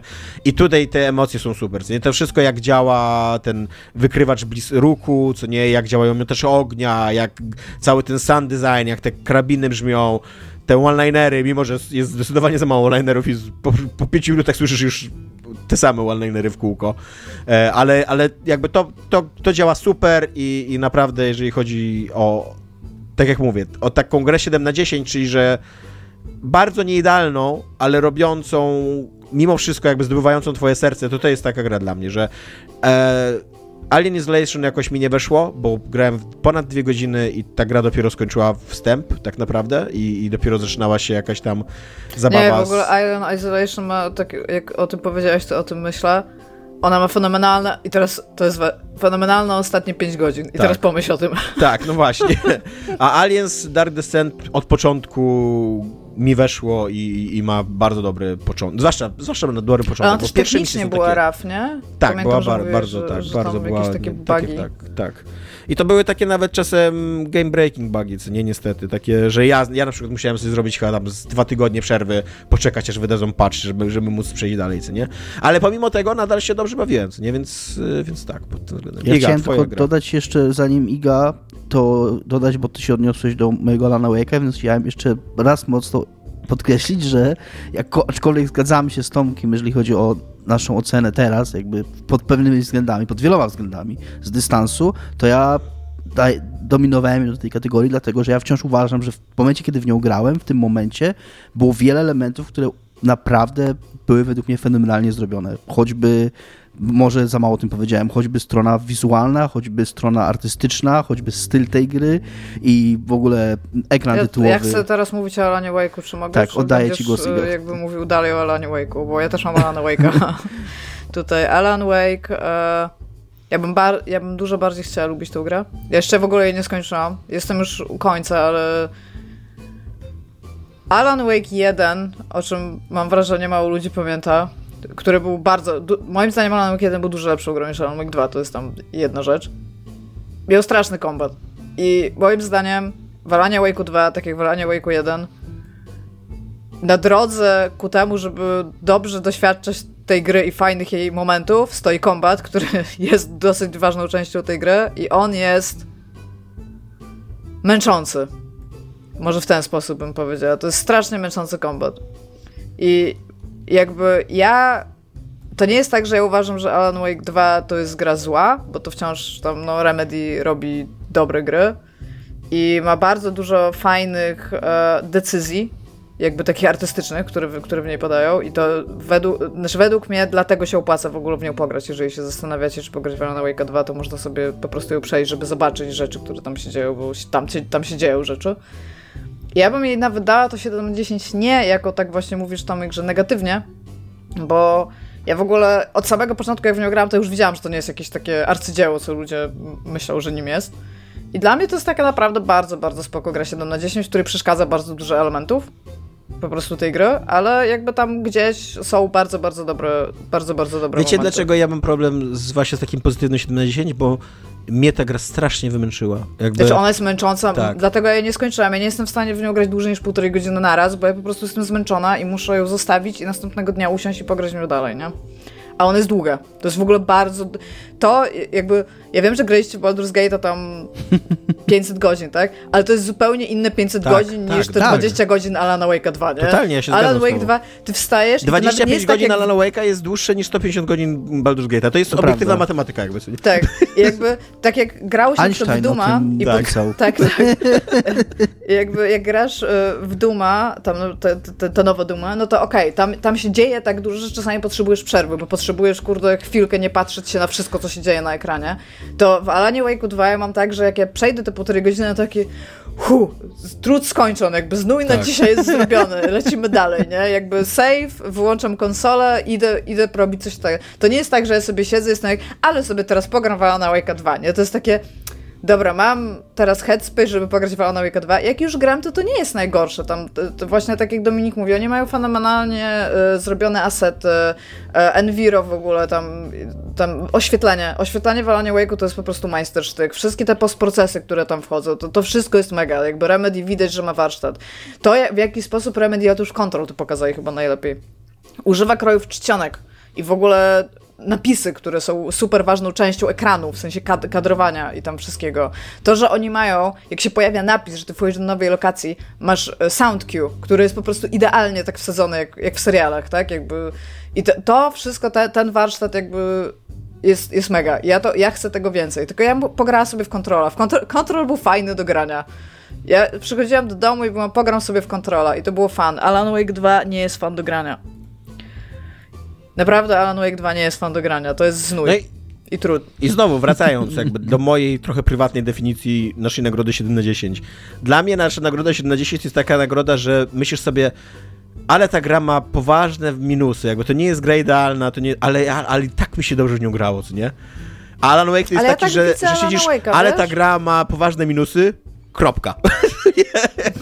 Pomimo, no, że jakby... wiesz, że ona jest dobra, jakby tam. Na sam koniec dnia ja siedzę i na przykład, no mówię ci, bardzo, bardzo dużo rozwiązań w niej, bo to o to chodzi, takich designerskich i ja po prostu uwielbiam i ubóstwiam. Ten pokój, który tam masz, tak, jako to menu, jakby tak naprawdę, no to, to jest super. Jakby chcę więcej takich rzeczy w grach, tak? I tego typu rzeczy mnie tam trzymają. No i oczywiście tam, no tak, tak jak mówisz, ma te sekwencje, tak? Które ja siedzę i ja, na...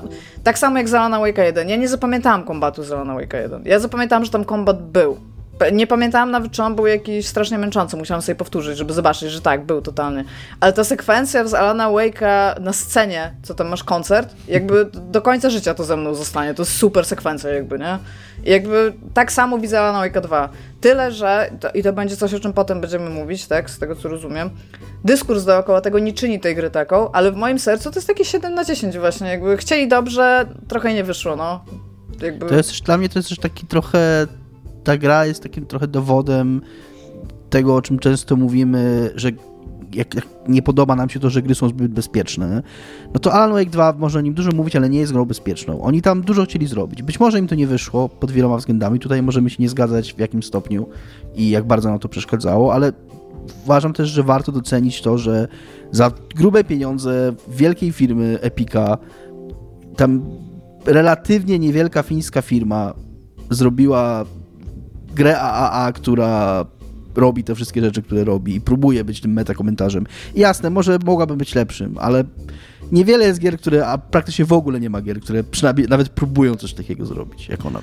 E, ja pod tym względem się zgadzam absolutnie i też rozumiem, że Alan Wake po prostu wygra tą kategorię, skoro jesteście oboje... Tylko jeszcze chciałbym, Dominik, do tego twojego dorzucić, że z jednej strony ok, jakby zgadzam się, że tam wydaliście, nie wiem, pewnie ze 150 milionów dolarów i zrobiliście coś niebezpiecznego, ale z drugiej strony wydaliście 150 milionów dolarów na ego sama Lake'a, tak naprawdę, co nie? Trochę tak. I to jest tak takie, zrobili. że kurde, litości, Ale wciąż, czy, czy jakby jako projekt twórczość... artystyczny, jeżeli chodzi o to, że on on krzyczy twórcą, tego mu nie odmówisz. No właśnie, i jakby czy istnieje twórczość bez twórcy i bez ego? Nie, Na to pytanie odpowiada ci Alan Wake. Boom! 10 razy ci odpowiada e, zdanie Jezu, po zdaniu stop, w kółko. Non stop ci mówię o tym po prostu. Jakbyś, jakbyś się zastanawiał, czy jeszcze o tym nie mówi, to jeszcze, jeszcze ci mówię o tym, no. E, dobra, więc Alan Wake 2, najlepsza gra 7 na 10, najlepsza stara gra Iga Go, bo ty lubisz stare gry. Tak, i ja mam do was pytanie, które mnie ostatnio sama sobie zadałam i bardzo mnie rozśmieszyło. Wiecie, jak są te gry fitness wszystkie, nie? Typu tam było Wii Fit, potem był na przykład Ring Fit, no, tam Switcha. Wiemy. To wiecie, że oni mają jakiś Team QA, którzy 8 godzin dziennie napierniczają przysiady i wyobraźcie sobie, jak pod koniec developmentu oni są buff.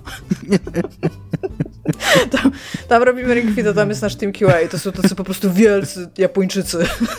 tacy wyrzeźbieni strasznie. Bo ja tacy bodybuilderzy w ogóle. Tak, ostatnio odpaliłam sobie Ring Fita i coś tam mi nie siadło na tym akcelerometrze i tam jakby wyprzedzając komentarze, zdaję sobie sprawę, jak są testowane takie gry, ale tak sobie pomyślałam, ktoś tego nie przetestował i sobie wyobraziłam właśnie, jak oni siedzą i tam przychodzi ten Yasuhiro, 48 stopni, odczuwalna temperatura, wilgotność powietrza 90, wchodzi do tego biura, oczywiście ubrany w garnitur, bo to Nintendo, e, potem ściąga marynarkę, tak luzuje krawat i idzie ćwiczyć. z tym kółkiem. A, dobra, ja mam jako najlepszą starą grę. Jest taka konsola.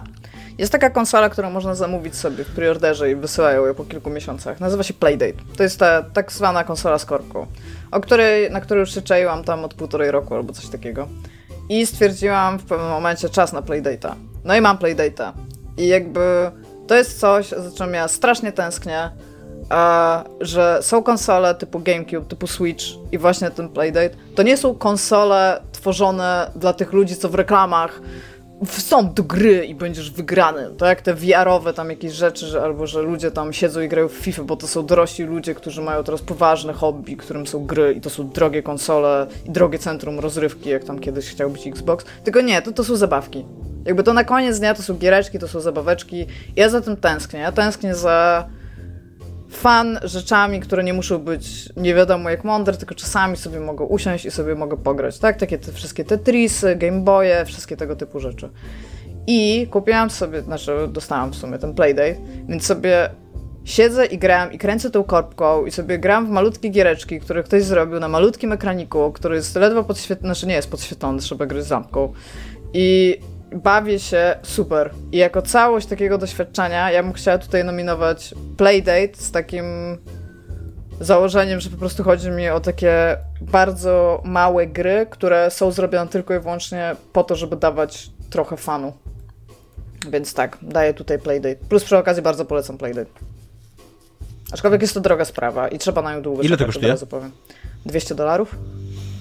No drogo, jak na taką malutką konsolę. No plus jakby masz tam ileś darmowych gier, co dwa tygodnie dostajesz tam nowe, jakby, ale resztę gier musisz kupić. No mają normalnie swój katalog i okej, okay, one tam najdroższe kosztuje chyba 10 dolarów, więc to nie są gigantyczne pieniądze, no ale jakby wciąż, jeżeli chcesz grać, a to zwykle tak jak mówię, to nie są duże gry, więc ja tam je na przykład przechodzę tam w godzinę albo dwie godziny, no to trzeba troszeczkę tam jeszcze dolarów w to włożyć, ale no im więcej tego typu rozrywki, tym więcej wygrywamy jakby, nie? Więc jeżeli ktokolwiek z was, słuchacze, nie słyszał w ogóle, to proszę sobie wpisać play.date w,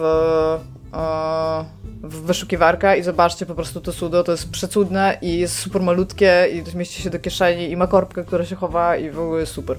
Mega, mega. Polecam. Dziękuję. Dominik, najlepsza stara gra? ja tutaj tylko otworzę definicję ongoing. E, nie, nie powiem Cyberpunk 2077. A ty, oszukał mimo, wszystkich. Że, mimo, że uważam, że trochę szkoda, że nie mogę nominować Phantom Liberty, ale powiedzmy takie mamy zasady. Uważam, że w ogóle Phantom Liberty albo powinni to wydać po prostu jako osobną grę i wtedy mogliby dostawać nagrody, a jak to wygra, wygrali jako DLC, no to jakby sami sobie ludzie ludziom ten los zgotowali. Ale to ja wtedy się... nie mógłbyś tego wybrać jako najlepszą starą grę, jeżeli by to wydali jako osobną grę. No tak, wtedy to na przykład, przynajmniej o tym mógłbym powiedzieć, że to jest najlepsza gra 7 na 10 na przykład. I hmm. mógłbym bronić tego, tego wyboru. Mm, więc nie powiem cyberpunk jednak, bo ja się nie chcę, mam dosyć tej dyskusji już. Dosyć swoje, już powiedziałem, co miałem do powiedzenia o cyberpunku w tym podcaście. Tomek, wygraliśmy. Moja, Nasz trud skończył. To moja praca, mój trud też skończony. Jakby mój, to też był trud, uwierzcie mi. To jest koniec jakiejś ery w tym momencie, nie? Powiem Tangle Tower grę, którą Iga mi poleciła w tym roku i jestem za to jej niezmiernie wdzięczny, y, która to jest gra nie co to jest Bardzo konstrukcja. Tak, czy twórcy y, firmy SFB Games, która to, ja dopiero grając z nią się zorientowałem, że ja grałem w jej pierwowzór, czyli Detective Grimoire and the Secret of the Swamp, ale ta, ten prototyp to taki bardziej prototyp niż gra, to trwało tam z dwie godziny i było takie niedorobione, delikatnie mówiąc, i jakoś nie porwała mnie ta gra, w ogóle nie została mi w pamięci.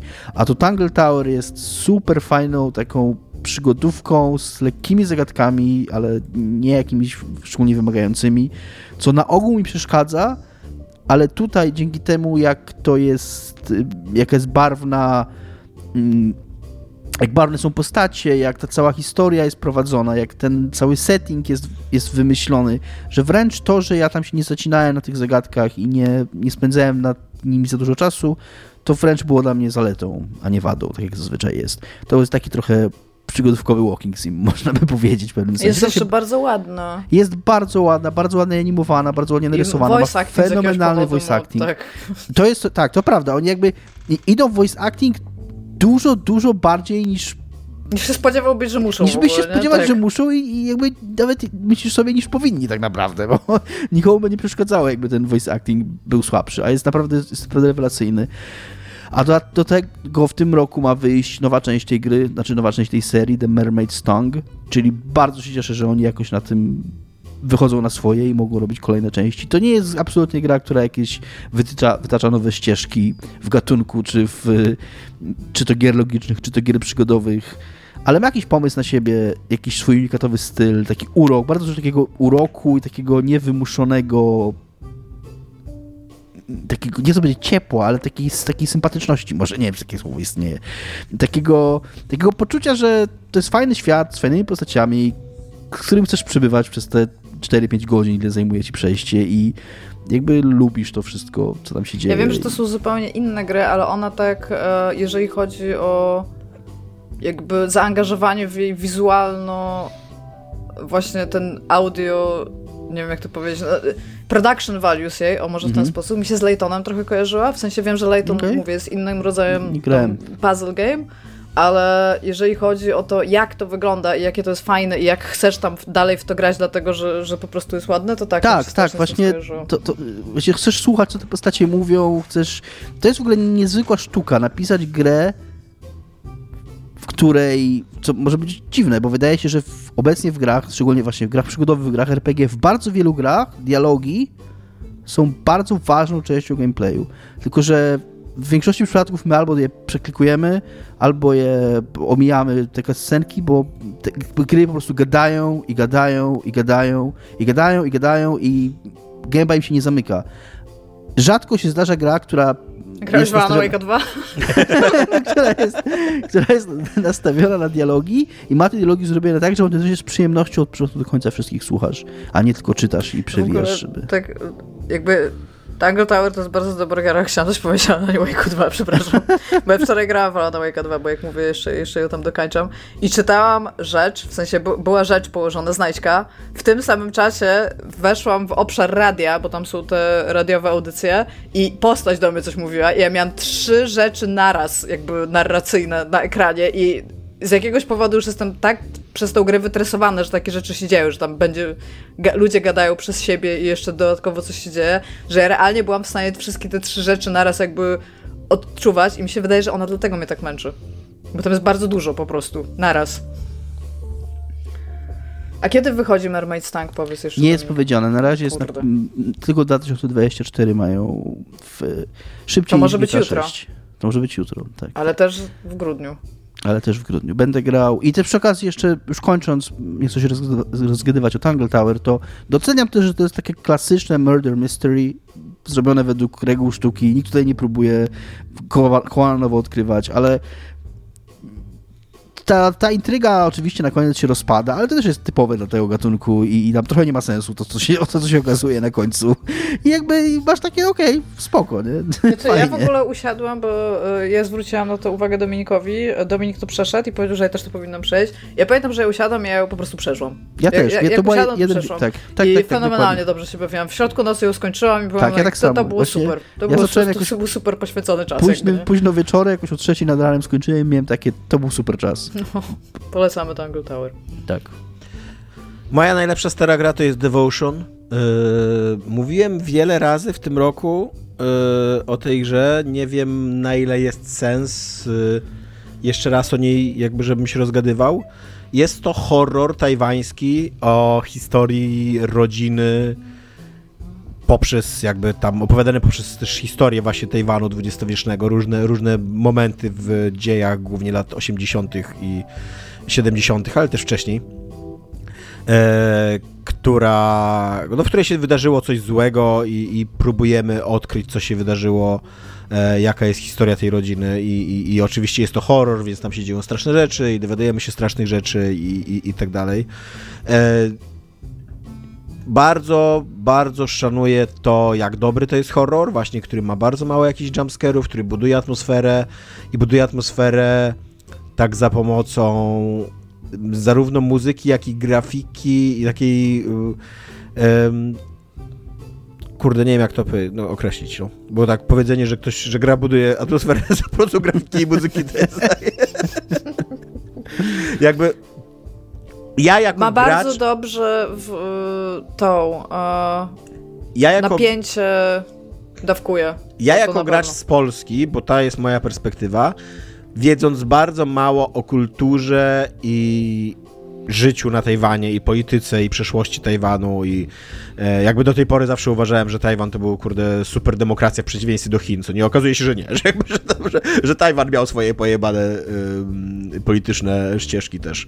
E, gdzie, do, w tej grze czułem się jednocześnie na miejscu, jakby i na miejscu i obcy, jakby, że, że byłem tak zanurzony w tą kulturę, w tą historię, w tych ludzi, w to ich życie, że czułem, że to wszystko jest takie bliskie mi, takie zrozumiałe, takie codzienne, a jednocześnie jakby na poziomie intelektualnym tego nie rozumiałem, bo to jest obca kultura i czułem właśnie takie bardzo miłe połechtanie, takie właśnie, że oto oglądam, oto doświadczam czegoś obcego, jakby poznaję takiego, tak, tak, tak, tak naprawdę miałem taki moment takiego poznania obcego, co nie, że, że mam autentyczny wgląd w obcą kulturę, inną kulturę i mogę się czegoś nauczyć jako człowiek. Mogę się stać lepszym człowiekiem po prostu, że taki poszerzyć swoje horyzonty, nie?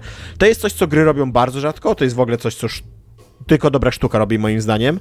Właśnie, żeby tak y, umieścić gracz, y, umieścić odbiorcę w, w jakichś takich zupełnie innych mu e, kontekstach i żeby on się nie czuł jakiś albo super zagubiony, albo żeby nie był takim, takim turystą po prostu. Devotion to robi, jest przy okazji, ma super fabułę, wygląda rewelacyjnie, ona tam graficznie jest mega, mega zajebiście zrobiona. I tyle. I to jest moja najlepsza gra stara w tym roku, bo, bo w tym roku w nią grałem. E, natomiast totalnie jestem tutaj za Igą. E, jest to fajny wynalazek i, i dajmy mu tą nagrodę i niech, niech to podbije jego sprzedaż po prostu. Niech, o, niech... Tak. To jest w ogóle też dla mnie fenomenalne, że y, jakby nie można po prostu, nie możesz po prostu pójść i sobie to jakby zapłacić pieniądze i to mieć, tylko jeszcze trzeba na to czekać. Ale tak. Hmm. Co? Nic, nic. No. E, więc tak, więc y, najlepsza Ale zagrajcie stara... w Devotion, nie, jakby co, jeżeli nie graliście, ja to przechodziłam też na streamie u nas, jakby co, ale to jest gra, która nie znajdziecie na Steamie, trzeba wejść na chyba redcandles.com czy coś i ją kupić. Bardzo, bardzo polecam. Ale bez DRM-u można ściągnąć. Nie no, ja wyjaśniając, ja się zgadzam, bo to fajnie, że taki device jest i tam kupuję to, co Iga powiedziała, natomiast to takie powiedzenie, że to takie fajne, że to urządzenie kosztuje 200 dolców i trzeba na nie czekać.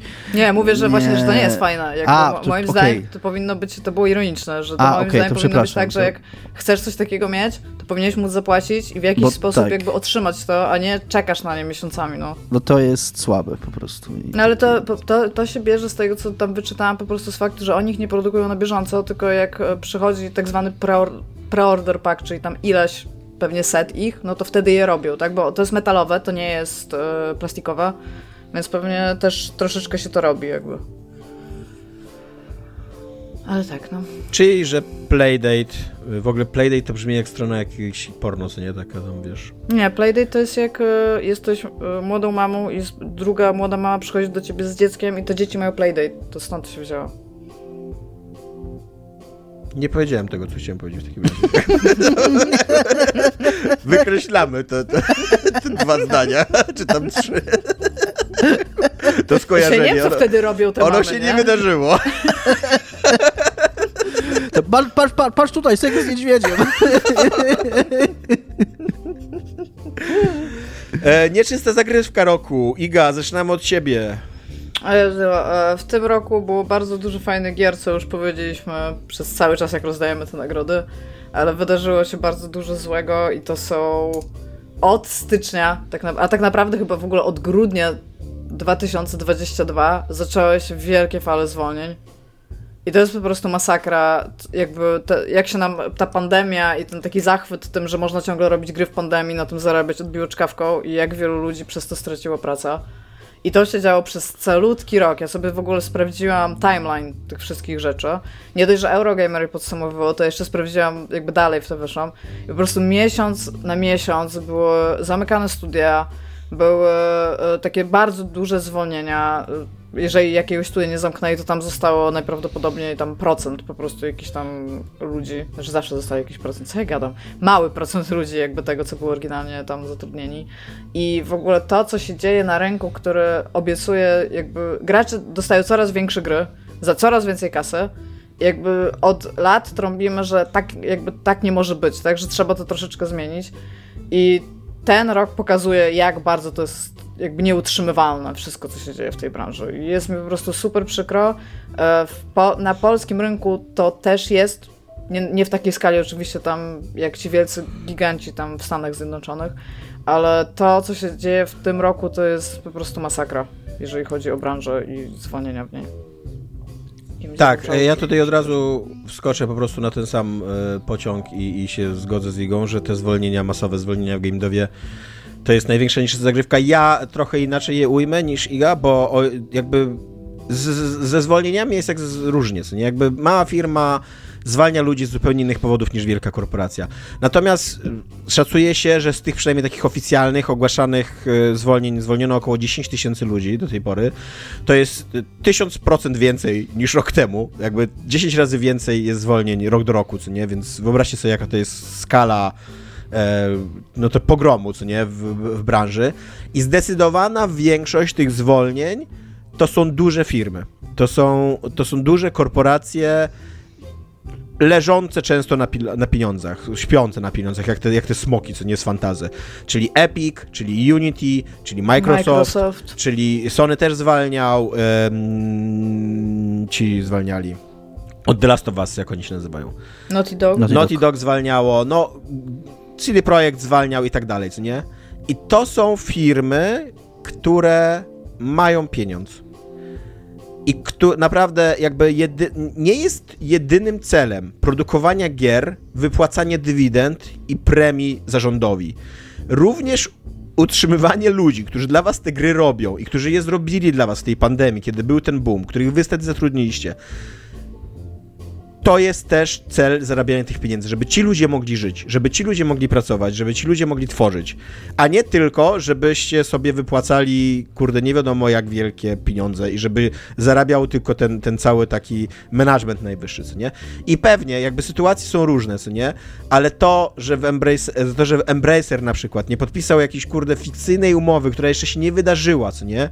Tak, a, założyli, a, a on założył, że się wydarzy i, prze, i teraz musi się po, po jakby mierzyć z konsekwencjami tych swoich błędnych założeń, to nie jest wina tych tysięcy ludzi, których zwalniacie, co nie? Weźcie to na siebie, otnijcie sobie pensję, y, jakby, nie wiem, nie wypłacajcie jakichś dywidend, Bądźcie nie wypłacajcie sobie... Tak, jakby ile, ile na, no. pytanie takie natury filozoficznej, ilu ludzi z CD Projektu można by było nie wywalić przez ile lat, gdyby zarząd nie wypłacił sobie tak absurdalnych tych, tych e, bonusów po premierze CD, Cyberpunka, nie? Albo gdyby wypłacił sobie je mniej absurdalne, nie? To były najwyższe premie dla zarządów w historii Polski, nawet większe niż w bankach się wpłaca i tak dalej, co nie?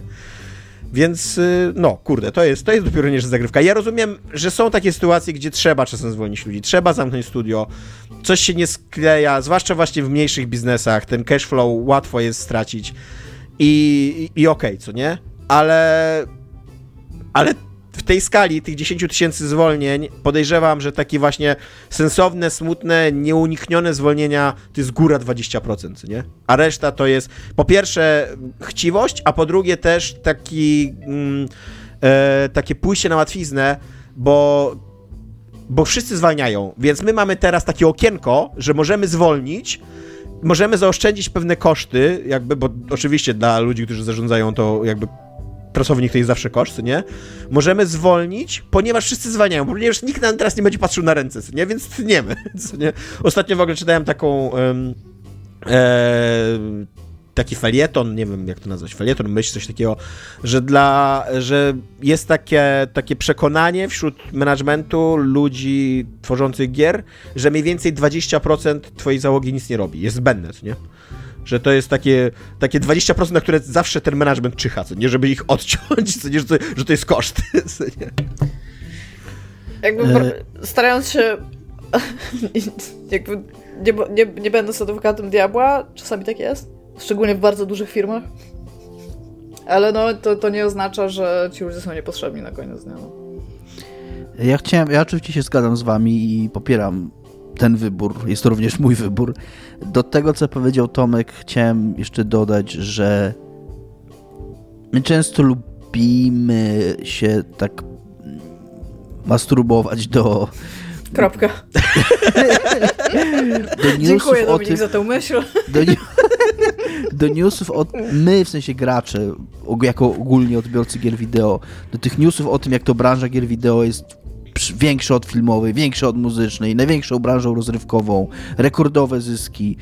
Chciałem powiedzieć, że oprócz tego, że ten miniony rok był wyjątkowo dobry, jeżeli chodzi o jakość gier, to też ostatnie lata są rewelacyjne, jeśli chodzi o przychody.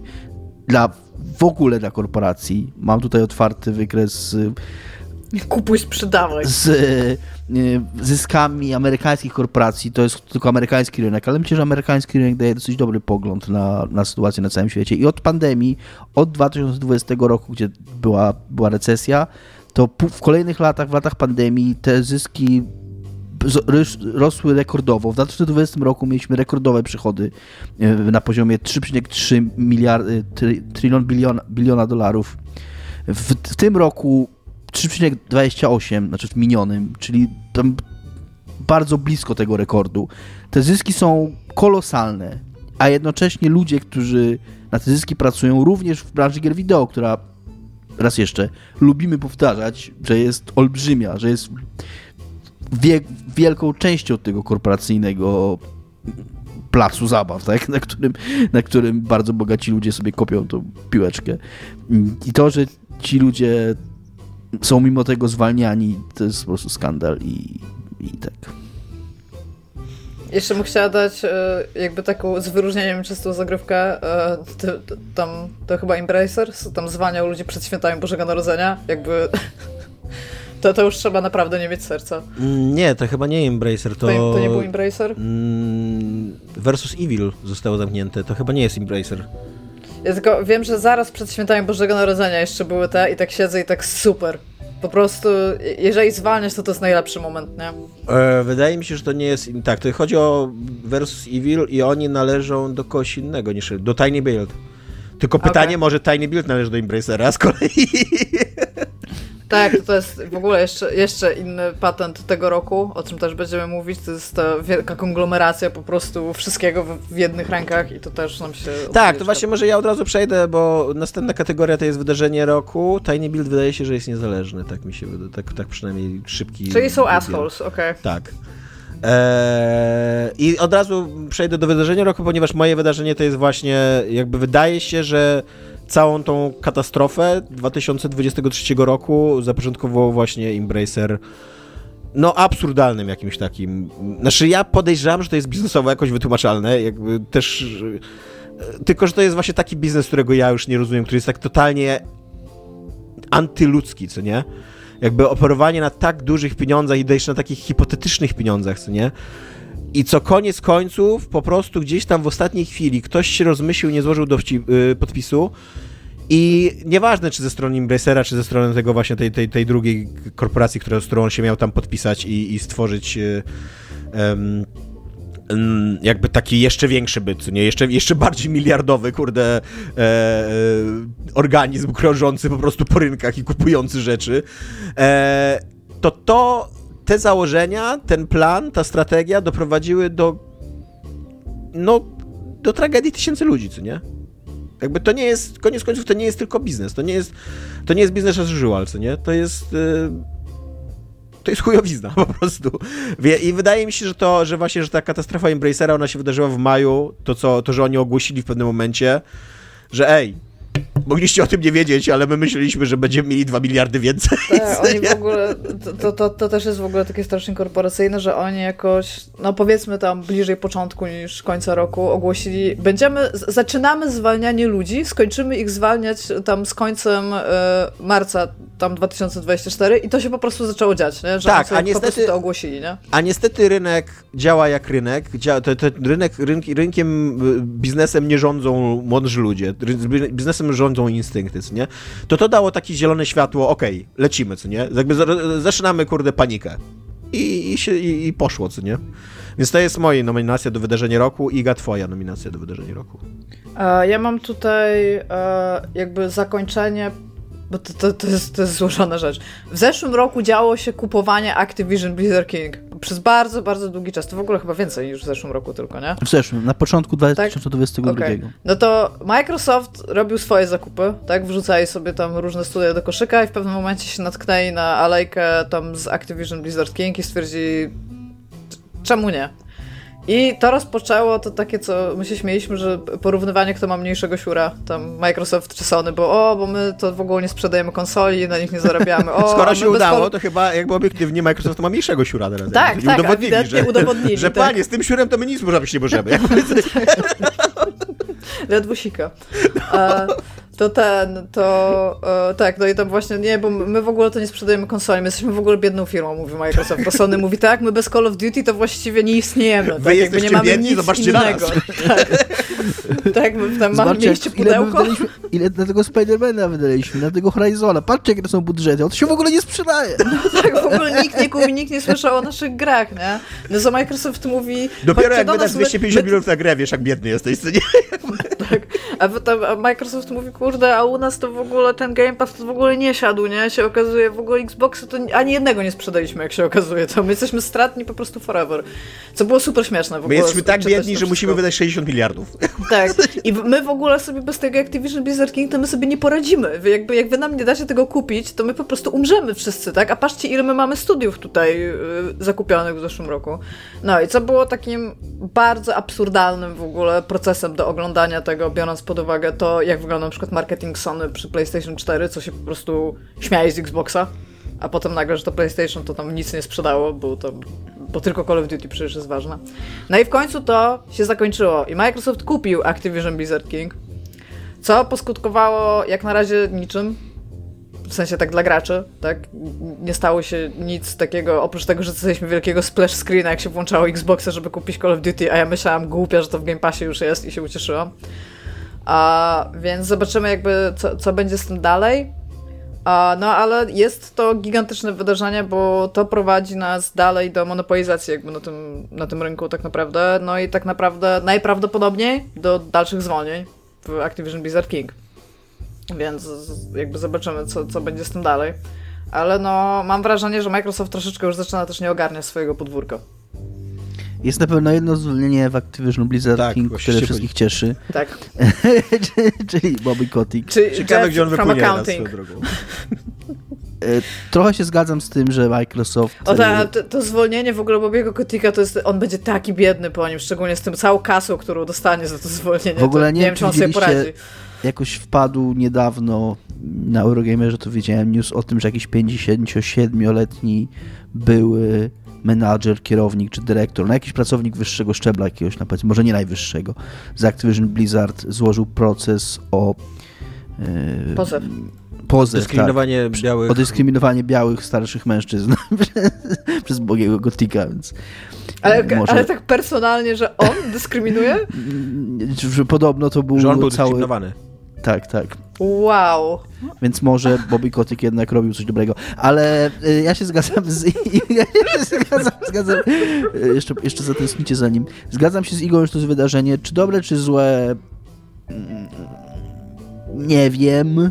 Moim zdaniem to będzie się- cezura, tylko my jeszcze nie widzimy Tak. konsekwencji tego, ale to... Zgadzam się, że to Microsoft nie miał za dobrego roku w tym roku i ten Activision Blizzard to miało być takie przypieczętowanie, to im wcale nie pomogło. Y, To, że ten Redfall im nie wyszedł, tam w miarę rozumiem to ich tłumaczenie. To, że Starfield wyszedł taki, jaki wyszedł, o tym jeszcze będę mówił, to jest nieporozumienie. I jeszcze szczególnie po tym, jaki Starfield był, jaki Redfall był, przepraszam, Redfall był, mm, to już, już mieli czas. Już oni sami mówili przy Redfallu, że okej, przy Redfallu nie, nie mieliśmy czasu i nie wchodziliśmy w tę grę, ale nad Starfieldem siedzimy i dbamy o to, żeby on wyszedł. I to miał być ich wielki koń pociągowy tej, tej generacji i tego roku, i nie tylko tego roku. I, i wyszło takie, kurna, takie taka kurna mokra kupa. Okej, ale be, Natomiast tak, wydarzenie, wydarzenie to tak, to. Czyli tak, kupno y, ABK przez Microsoft. To jest nasze wydarzenie roku. Tak. Dominiku, a co jest grane u ciebie? E, Tomku, kontynuuję moją przygodę, o której mówiłem w ostatnim odcinku dwa tygodnie temu. Zacząłem z mm, Legend of Heroes Trails in the Sky. E, Skończyłem tę grę dzisiaj, kiedy to nagrywamy, czyli w niedzielę nad ranem. Zakończyłem moją przygodę i chciałem powiedzieć kilka słów do tego, co mówiłem ostatnio, bo mówiłem o tym, że podoba mi się jej mała skala. Iga mnie pytała, że pewnie zaraz będzie call to action. Nie było takiego call to action. Tak naprawdę przez całe 50 godzin, jak grałem w tę grę, to była gra o dwójce nastolatków, którzy przemierzają cały, cały swoje kraj, w którym, który zamieszkują, chodzą od miasta do miasta i tam rozwiązują różne lokalne problemy tych, tych bo oni są w takiej gildii, to się nazywa Bracers, są takimi najemnikami, którzy pomagają ludziom. Embracer? Nie, Bracers pewnie. No. nie Embracers. Mm. I, I oni jednocześnie wokół tego toczy się jakaś intryga polityczna, która jest w tle i masz tak tylko bardzo sygnalizowane te, tak bardzo na boku. I chciałem powiedzieć jedna rzecz, jedną rzecz, która mi się, o której pomyślałem dzisiaj po skończeniu tej gry, która mi się w niej strasznie podobała. Ta gra, bardzo często narzekamy na scenariusze w grach, że na taki, że kiedy chcą wywołać zaskoczenie, czy kiedy chcą y, jakiegoś plot twista, wiecie, wprowadzić do gry, to bardzo często robią to takimi tanimi środkami, które często sprowadzają się po prostu do, do ukrywania przed graczem wiedzy, którą bohaterowie gry posiadają, a on nie. Typ Sherlocka Holmesa, tak Tak, tak. No? I skrajnym przypadkiem tego jest ukrywanie przed graczem wiedzy, którą jego bohater, którego on prowadzi, ma.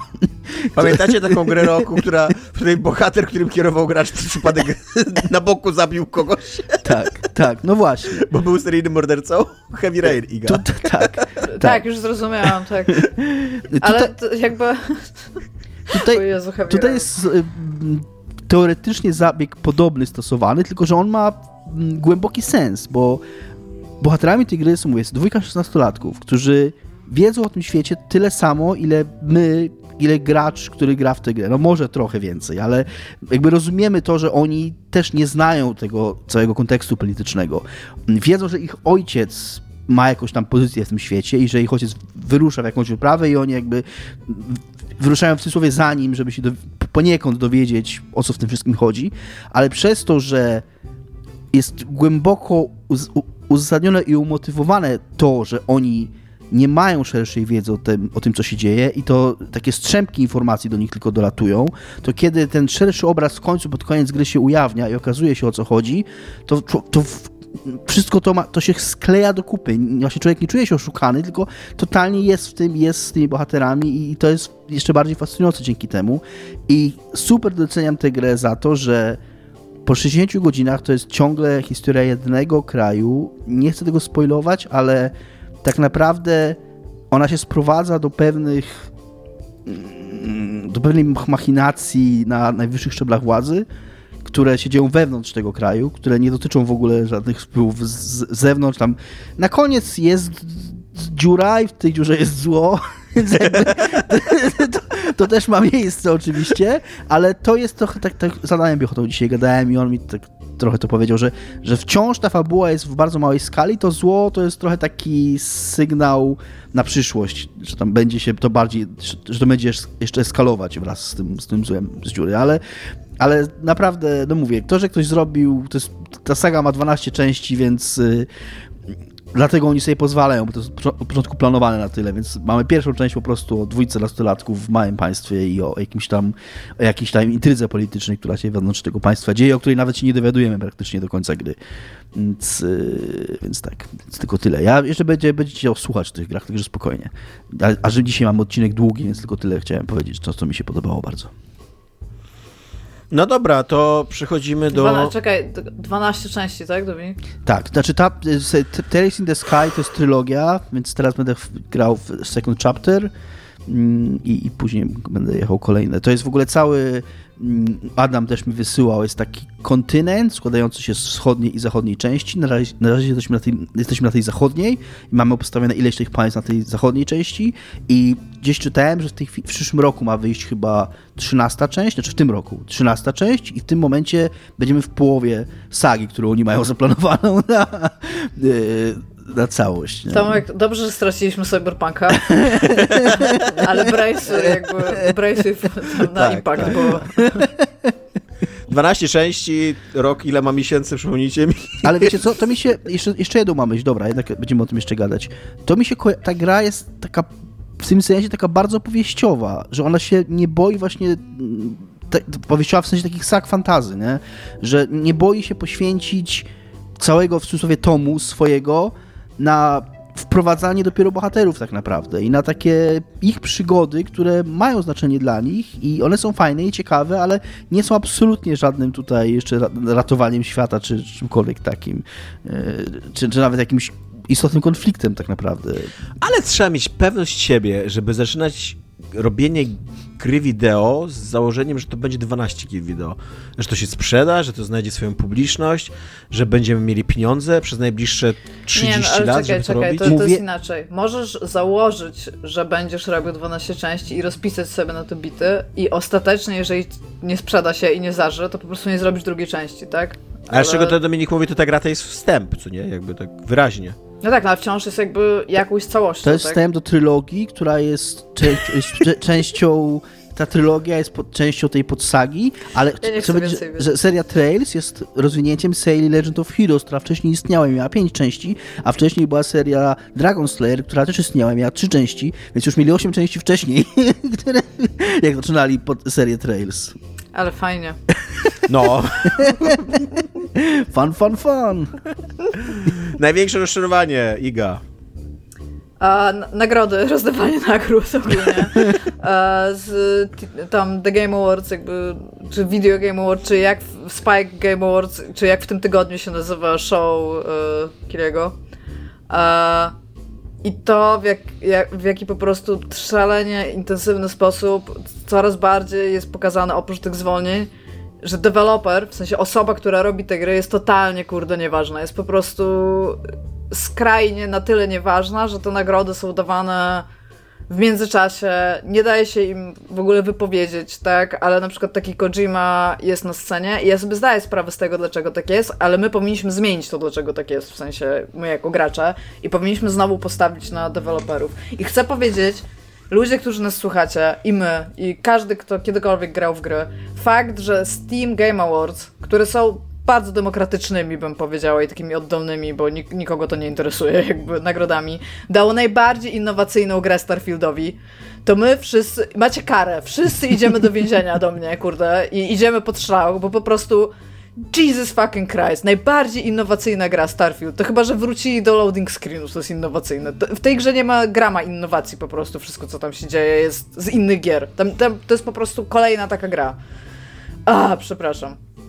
Tak, na, największe rozczarowanie to jest w ogóle fakt, że po pierwsze nagrody od dawna już nic nie znaczą, a to, co się teraz z nim dzieje, to już jest po prostu jakiś żart. Taki totalny, po prostu smutny żart, że wszyscy tylko machają głowami, no, no bo tak jest, no bo tak jest. Jakby fuck you. Nie, nie ma tak być.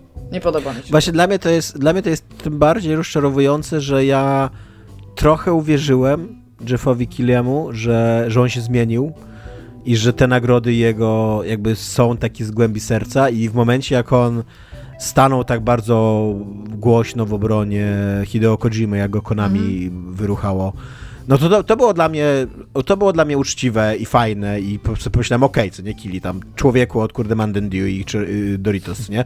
Masz u mnie nową szansę i poprowadź te swoje nagrody. Kategorie nie są nawet najgłupsze w tych nagrodach. Zobaczymy, co z tego wyjdzie, co nie? No i tak, i ten rok pokazał, że kurde, wyszło fatalnie, że to nadal jest niestety facet od Doritosów i Mountain Dew, że E, że pół minuty, kurde, na podziękowanie za nagrodę, co nie? Przerywanie człowiekowi, który wygrał tą nagrodę za najważniejszą grę w momencie, kiedy on dziękuje człowiekowi, który umarł w trakcie produkcji, co nie?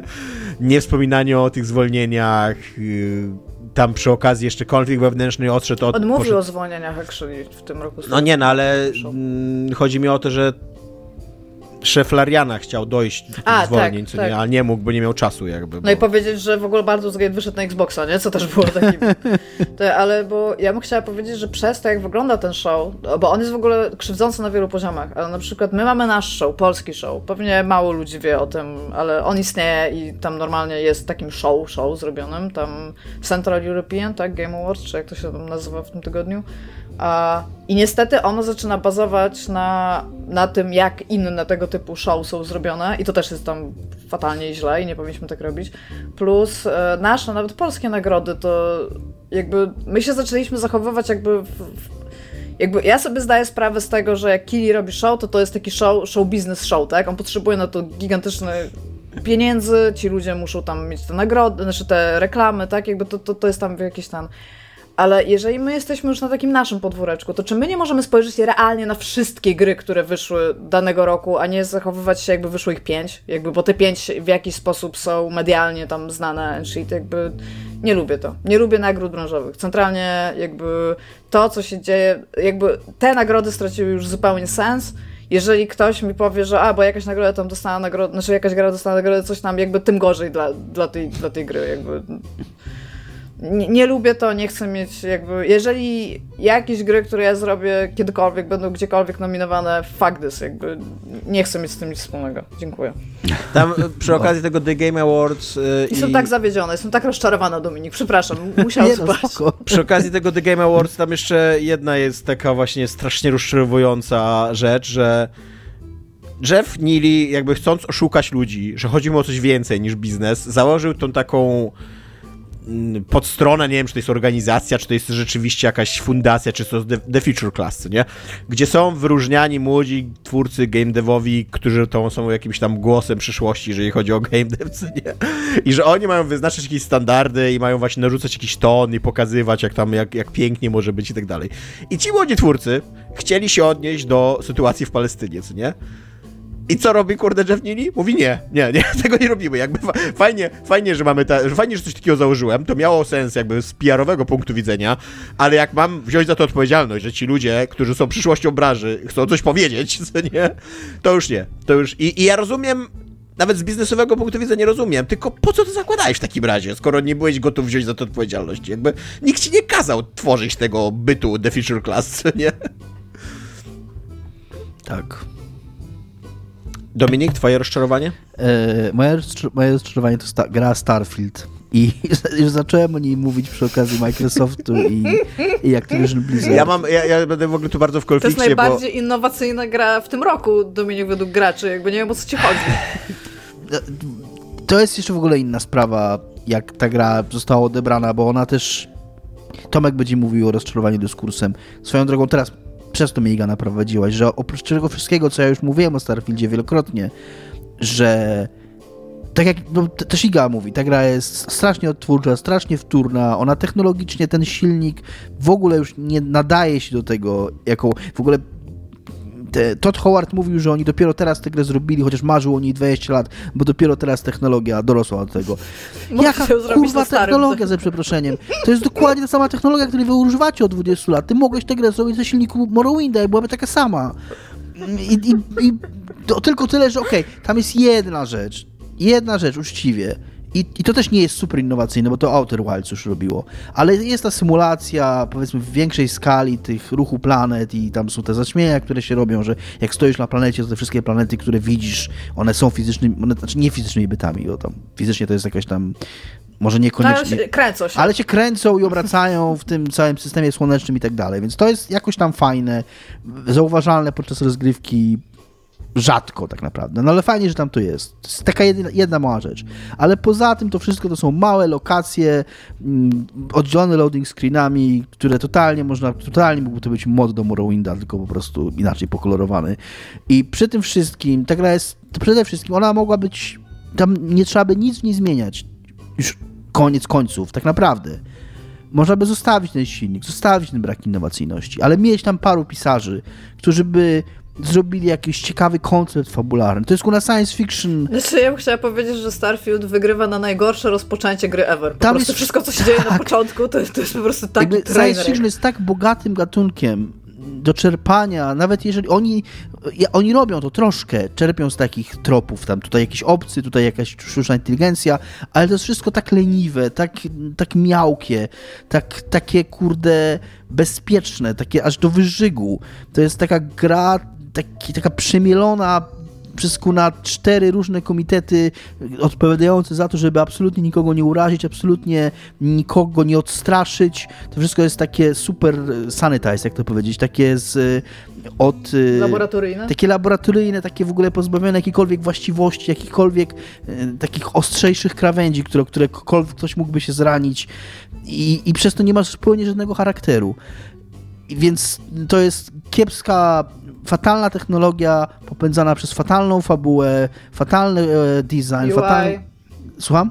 UI robione przez UI, 16 ko- losowych ludzi, którzy ze sobą nie rozmawiali. A w dodatku, a w dodatku kuna ma te wszystkie takie, wiecie, wajchy, które człowiekowi robią ku na wodę z mózgu.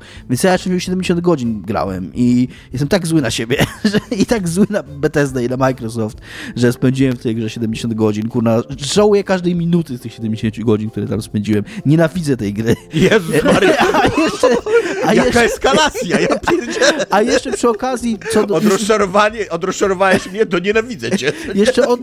od to od Howard tutaj 70 godzin. Już kończąc, kończąc, kończąc na tym, od czego zacząłem, o tym dyskursie. Ta gra też pokazuje po raz kolejny, jak, jakimi impotentami są recenzenci growi. Ta gra dostawała na ósemki i dziewiątki na premierę. To była po prostu arcydzieło opisali. Ona cały czas ma chyba blisko, 80, blisko 90% na Metacriticu. Jak, ja, ale gracze to samo. Jak gracze zaczęli w nią grać, to miała, nie wiem, 80% pozytywnych na Steamie i tylko leciało w dół, w dół, w dół, w dół. W tej chwili ma chyba kurna 23% pozytywnych. Starfield na Xboxa ma 83, a user score ma 7. Więc jakby wciąż, wciąż na, wysoko jak na to A na PC ma 86. Tak, ale ta, jestem, jestem, pewien, jestem pewien, że ta ocena, że ta średnia krytyków na Metacriticu była wyższa na premierę. W tej chwili 27% jest pozytywnych ostatnich recenzji na Steamie. 23, 27%. I to, że ludzie się dali nabrać na to po raz kolejny. I... Znaczy, No Man's Sky niczego nas nie nauczył w ogóle. To. Tak. Yy, znaczy, nie wiem, czy akurat No Man's Sky to jest to. Chodzi mi o to, że y, zwykle jak wychodzi tego typu gra, a Starfield był strasznie skypowany, bo, bo był, jakby Bethesda też, jeżdżąc po targach, jakby Bethesda ma fajny merchandise, jakby wszystko dookoła. Więc jak Starfield był reklamowany, to jak tam te zegarki na przykład Starfieldowe, co mogłeś sobie pokupować albo coś takiego, to to było takie bardzo top notch. Oni tam zrobili dużo marketingu. I wyszedł ten Starfield i mi się wydaje, że to jest takie czekałem na to, nie mogę teraz tej gry nie lubić. Tak. Więc zwykle masz taki wyżyk pozytywnych rzeczy, bo sami ci ludzie są w stanie, chcą siebie sami przekonać, że to jest cool, jakby, ale no, nie, no, nie było. Tak, tak, no, no, no to tyle, no już nie będę, nie będę. Nie, no czy już wypowiedziałeś na temat Starfielda, no, na Tonelai, nie spodziewałam się aż takiej reakcji. Było to odświeżające, no. E, tak, moje największe rozczarowanie, ja nie wiem, jak teraz przebić Dominika, jakby. Czego nienawidzisz, Tomek? Właśnie ja nie, ja, dla mnie to jest autentycznie rozczarowanie, to nie jest nienawiść. Dominik tutaj ewoluował, co nie? E, to jest nienawiść zrodzona z rozczarowania, no. E, dyskurs dookoła Alana Wake'a 2, e, bo tak jak e, Dominik mówi, jest jakaś straszliwa intelektualna impotencja, która cały czas krąży dookoła, kurde, recenzowania gier i dyskusji o gier i rozmawiania o grach. I ja rozumiem, że można Alana Wake'a 2 lubić, jakby rozumiem to. Natomiast taki, taka niechęć, niezgoda trochę na dyskutowanie o tym, jak wiele rzeczy jest spieprzonych w Alanie Wake'u, tak nawet nie chcę powiedzieć, obiektywnie, ale, ale one po prostu tam są. Ta gra po prostu trwa 25 godzin. To jest fakt, to jest mierzalny fakt, że ona trwa 25 godzin. Że 20 godzin z tego to są powtarzające się rzeczy w kółko, ciąż i ciąż, nie? Że te właśnie te mm, te jumpy, co nie? Te, te scare jumpy, o których Dominik mówi, że one też właśnie jakby tak sensorycznie zostały źle dopasowane, nie? Że ona jest jakby właśnie takim masturbacyjnym jakby wytryskiem e, Samalejka, czy jego ego jest tego warte? Jakby chociaż pogadajmy na ten temat, a nie, że o kurde, Sam Lake tańczy i śpiewa i już po prostu klękajcie narody. Jakby, ja tam klękam. A, a, czy on jednocześnie ma coś do powiedzenia? Czy Alan Wake autentycznie coś mówi? Czy, czy za tym, że intertekstualizm i postmodernizm i cytowanie i, i, i metavers i tak dalej, czy za tym cokolwiek kurde stoi jakby? Być może tak, nie mówię, że nie. 13 lat wyjdzie Alan Wake 3 Natomiast nie znam człowieka, nie, nie, nie znam żadnego krytyka, żadnego recenzenta, który się zachwycał Alan Wake'iem i potrafił powiedzieć co za tym stoi. Jakby jak na autentycznie, co Alan Wake ma mu do powiedzenia, co komentuje, dlaczego jest wyjątkowym 10 na 10 tekstem kultury, nie? Dlaczego warto zignorować tą całą chujowiznę, która się dzieje czasem w Alanie Wake'u, bo, bo tam wprost się dzieje czasem chujowizna, no kurde, nie? Tam niektóre rzeczy, te, te, te, ten wątek Mam Alana Wake'a. Że, że podcast eskaluje i jestem temu winien trochę. nie, ale wiesz, ale ten wątek Alana Wake'a, który się pożera sam siebie w kółko i w kółko i w kółko, nie? I ja rozumiem, że można On pewno... bolesne miejscami. Tak, ja, tak ja rozumiem, tak dokładnie, ja rozumiem, bolesne. że można komentować zalupowanie twojej historii, za te, to przetwarzanie wciąż tej samej historii i ale kurde, to jest bolesne, tak jak mówi Iga, to, to, to przekracza granicę, to wchodzi i wpada w, takie, taką, w taką parodię. Bo nie? jest taki moment, bo na sam zwykle, jakby problemem pacingowym, jeżeli chodzi o te takie bity Alana Wake'a w wątku Alana Wake'a w Alanie Wake'u, to jest w ogóle też super, że on się nazywa tak. jakby w ten sposób, bo tym trudniej jest o tym rozmawiać, jest takie coś, że jakby ta gra bierze ci za rękę i mówi ci, pokaże ci coś, jakby, co, co jest teraz ważne i, i zobaczymy to we dwójkę, ok? Jesteś tu ze mną, Iga? I ja mówię, tak, Goro, jestem, pokazuj mi. I pokazuje mi to i ja mówię, kurde, rzeczywiście. I potem pokazuje ci to jeszcze raz i jesteś tak. a, bo to jest ważne ale już jakby, już to kumam, więc jakby chodźmy dalej, a ta gra cię bierze za, za rękę i mówi nie, nie, nie, nie, nie, pójdź ze mną jeszcze raz, bo mogłaś nie skumać. Tak, je, jakby jest ta taka marketingowa zasada, złote, złota zasada, że trzeba wszystko powtórzyć trzy razy. Natomiast ta złota zasada mówi, że trzeba wszystko powtórzyć trzy razy, a nie trzysta. A Alan Wake powtarza się w kółko. I tak samo, wiecie, jest cały taki, cały taki zachwyt, że właśnie, że jest taki wielomedialny, co nie, ten Alan Wake, co nie, że tam jest film niezależny, 30 minut filmu. Okej, okay, powiedzcie mi, dlaczego ten film tam jest, jaki jest jego cel. Jakby to jest stanie w lokacji, jaką jest kino, oglądanie 30 minut kiepskiego kina udającego artystyczne kino niezależne europejskie. Tutaj taki Asterix ko, ko, artystyczne, niezależne europejskie kino jest bardzo dobre. To, co oglądasz w Alanie Wake'u nie jest bardzo dobre, to nie jest dobre kino, co nie? I, i po co? Co, co? co ta gra chciała za, tu powiedzieć? Co chciała zrobić? Jakby po co to jest? Po co te 30 minut wyrzeknięcia się gry wideo jako, jako, bo, jako swojego medium? Bo to jest po prostu, Alan Wake po prostu stoi w tym momencie w kinie i patrzy się w ekran, co nie? To jest, to jest zupełnie inne medium. Co, co, co chcieliście z tym osiągnąć? Samo, sam, sam fakt, intertekstualności. Ale sam fakt, teraz, wiesz, znaczy... tak, teraz w ogóle wpadłam do taki wniosek, nie że jest, Alan Wake daj mi skończyć, sam, sam fakt intertekstualności i takiej właśnie bycia meta i komentowanie się wewnętrznie i, i jakiś taki właśnie postmodernizmu nie jest sam w sobie wartością, co nie? Jakby sam, sama obecność tak. tego w dziele. Iga, Bo... oddaję ci głos. No bo chciałam tylko powiedzieć, że teraz jak o tym mówisz, to ja doszłam do takiego bardzo yy, błyskotliwego wniosku, że w ogóle Alan Wake 2 bardzo nie lubi faktu, że, ba, bardzo nie lubi faktu, że zgrał. Tak, dokładnie. W sensie on realnie się wystrzega tego faktu, że przede wszystkim jakby w, w, w swoich własnych fundamentach jest dziełem yy, znaczy interaktywnym w typie gry komputerowej i jakby nie, czy elektronicznej nie jest to dla niego zaleta. Mam wrażenie, że uznaje to za wadę. Ale moim rozczarowaniem nie jest, nie jest Alan Wake 2 sam tak, sobie. Dyskurs. Tylko to, jak go. Właśnie to też była gra, która się mega oczekiwało. Dzisiaj recenzują tą grę ludzie, którzy te 13 lat temu mieli po 20-25 lat i ona odniosła, jakby wy, wy, wywarła swoje piętno na nich, nie? mi się wydaje, że oni w ogóle nie byli przygotowani na to, żeby się zmierzyć z tą grą jako z grą, a byli przygotowani tylko na to, żeby właśnie oddać jej hołd jako Ej, pamiętacie Alana Wake'a? Jest Alan Wake 2 w ogóle teraz, co nie? Ale w spoczko się grało tam. Ludzik biegał. Ludzik biegał, to prawda. To Piękna tak. piosenka była śpiewana. Tak, Ludzik biegał, była pioseneczka, to jest Alan Wake 2. e, dobra, musimy jakiś konsensus tutaj przyjąć. Yy ja jestem w stanie zarówno dla Igi, jakby jako nagrody branżowe, jak i dla Starfielda, bo...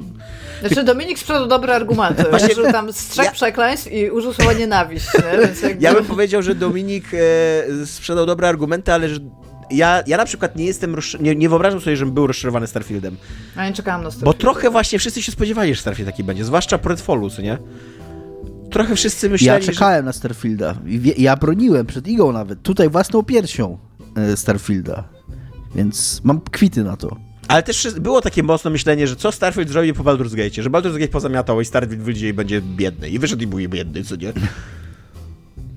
No, na początku tak nie było. Na początku myślenie było takie i Larian wprost o tym mówił, że, że oni uciekają przed Starfieldem, przesuwając premierę o miesiąc wstecz. Więc nikt się tego nie spodziewał. Wszyscy się spodziewali, że Starfield będzie kolosem. Znaczy tak, to bo to jest tak, ja nie czekałam na Starfielda, ale myślałam, że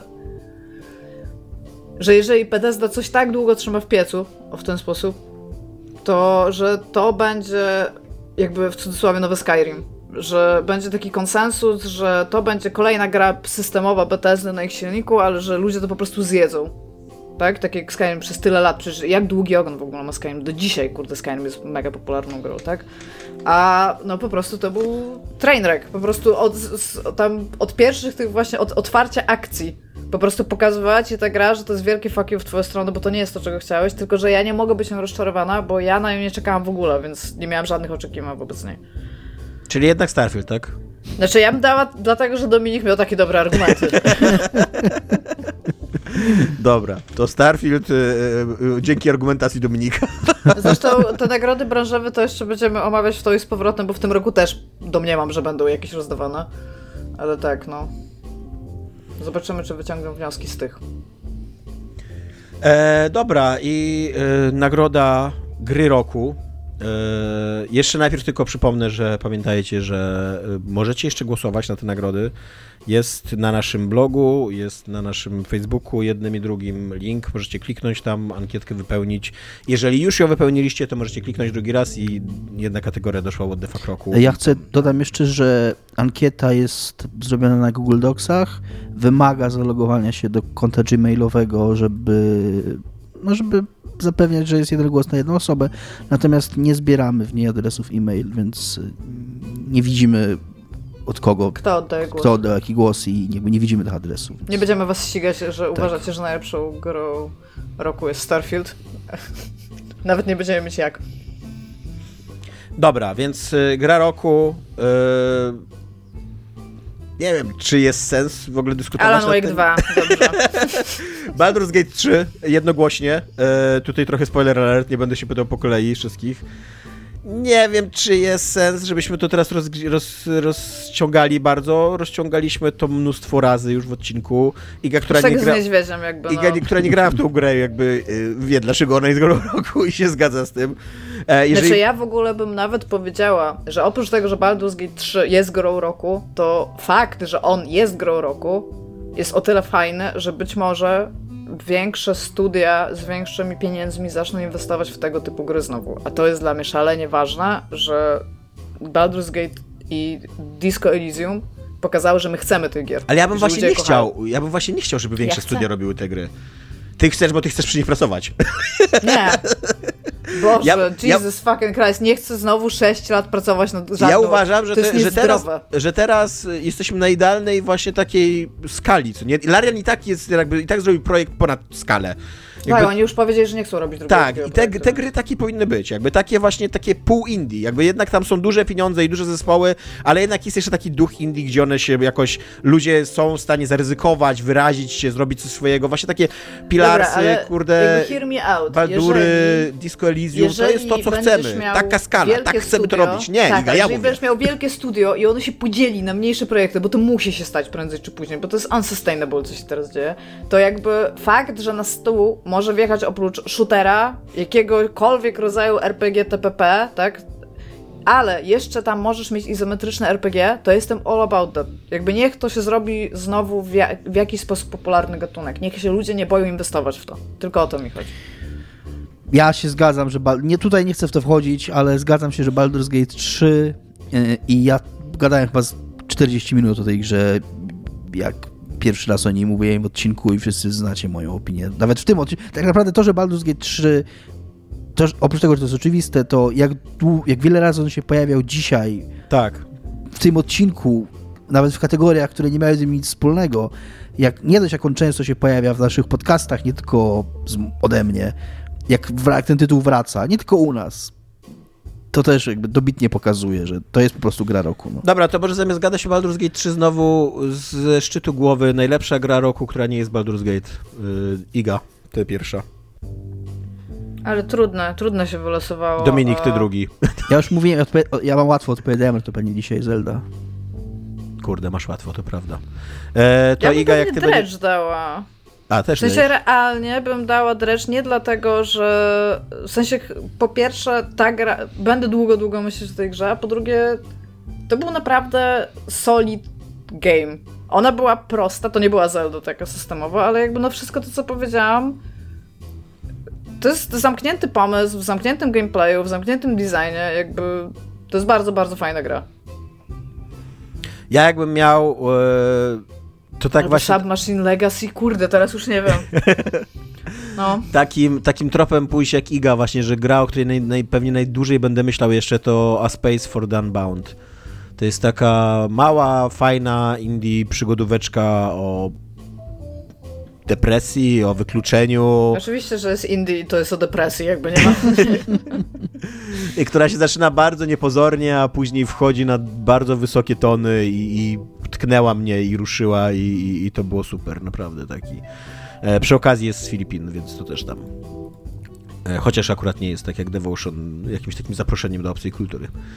Eee, więc tak, więc dla mnie Space for the Unbound, y, dla Iggy Dredge, dla Dominika W tym roku Zelda. jeszcze wyszedł Cocoon, który nigdzie nam się nie zmieścił, ale to też jest... Ja się trochę zastanawiałem, czy Cocoona nie umieścić w kategorii What the Fuck roku. The Fuck, tak. Mogło, bo, mogło bo to jest gra, która bardzo często ci robi What the Fuck. to jest taka, że grasz i What the Fuck, kurde, co, nie? co tu się właśnie od niej pawniło, co tu się wydarzyło. e, ale tak, no to jest, to jest super gra, ale nie jest to gra roku, moim zdaniem. Nie, nie, nie, tylko jakby chciałam podkreślić, że też wyszedł, a, a nie razu się nie pojawił jakby w tej, w tej rozmowie, a to też była fajna giereczka. Plus była za darmo, więc... Nie była za darmo, te gry w ogóle nie są za darmo. Była na Game to za darmo, już to ustaliliśmy. Dobra, i kończąc y, nasze nagrody fan roku przez A, y, Dominik, oddaję głos tobie. Kogo ogłaszamy w tym roku?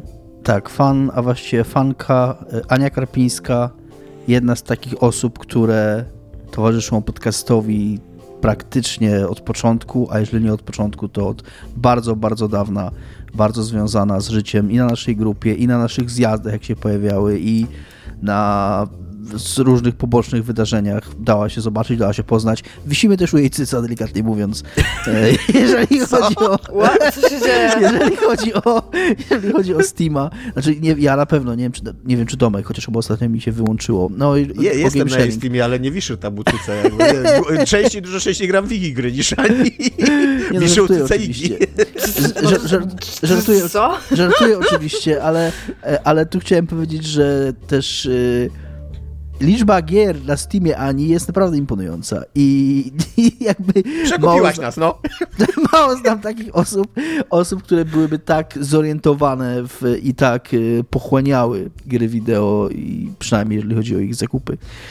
A przy okazji jest przesympatyczną osobą i takim człowiekiem, którego więcej nam potrzeba i w naszej społeczności, nie tylko nieczystych zagrywek, ale graczy w ogóle, więc jeżeli nawet Dobrym to, duchem naszej grupy. Tak, dobrym duch, duchem naszej grupy i, i, chociażby za to należy się jej ta nagroda jak psu miska. Okej. Okay. okay. To jest powiedzenie w języku polskim. to zostało tak... powiedziane na antenie. Nie, ma nie wiem, nie wiem, czy jest. Nie znam aforyzmów za bardzo. Ten być może Należy się jak psu miska. Nie, jest takie, jest takie psu powiedzenie. Buda.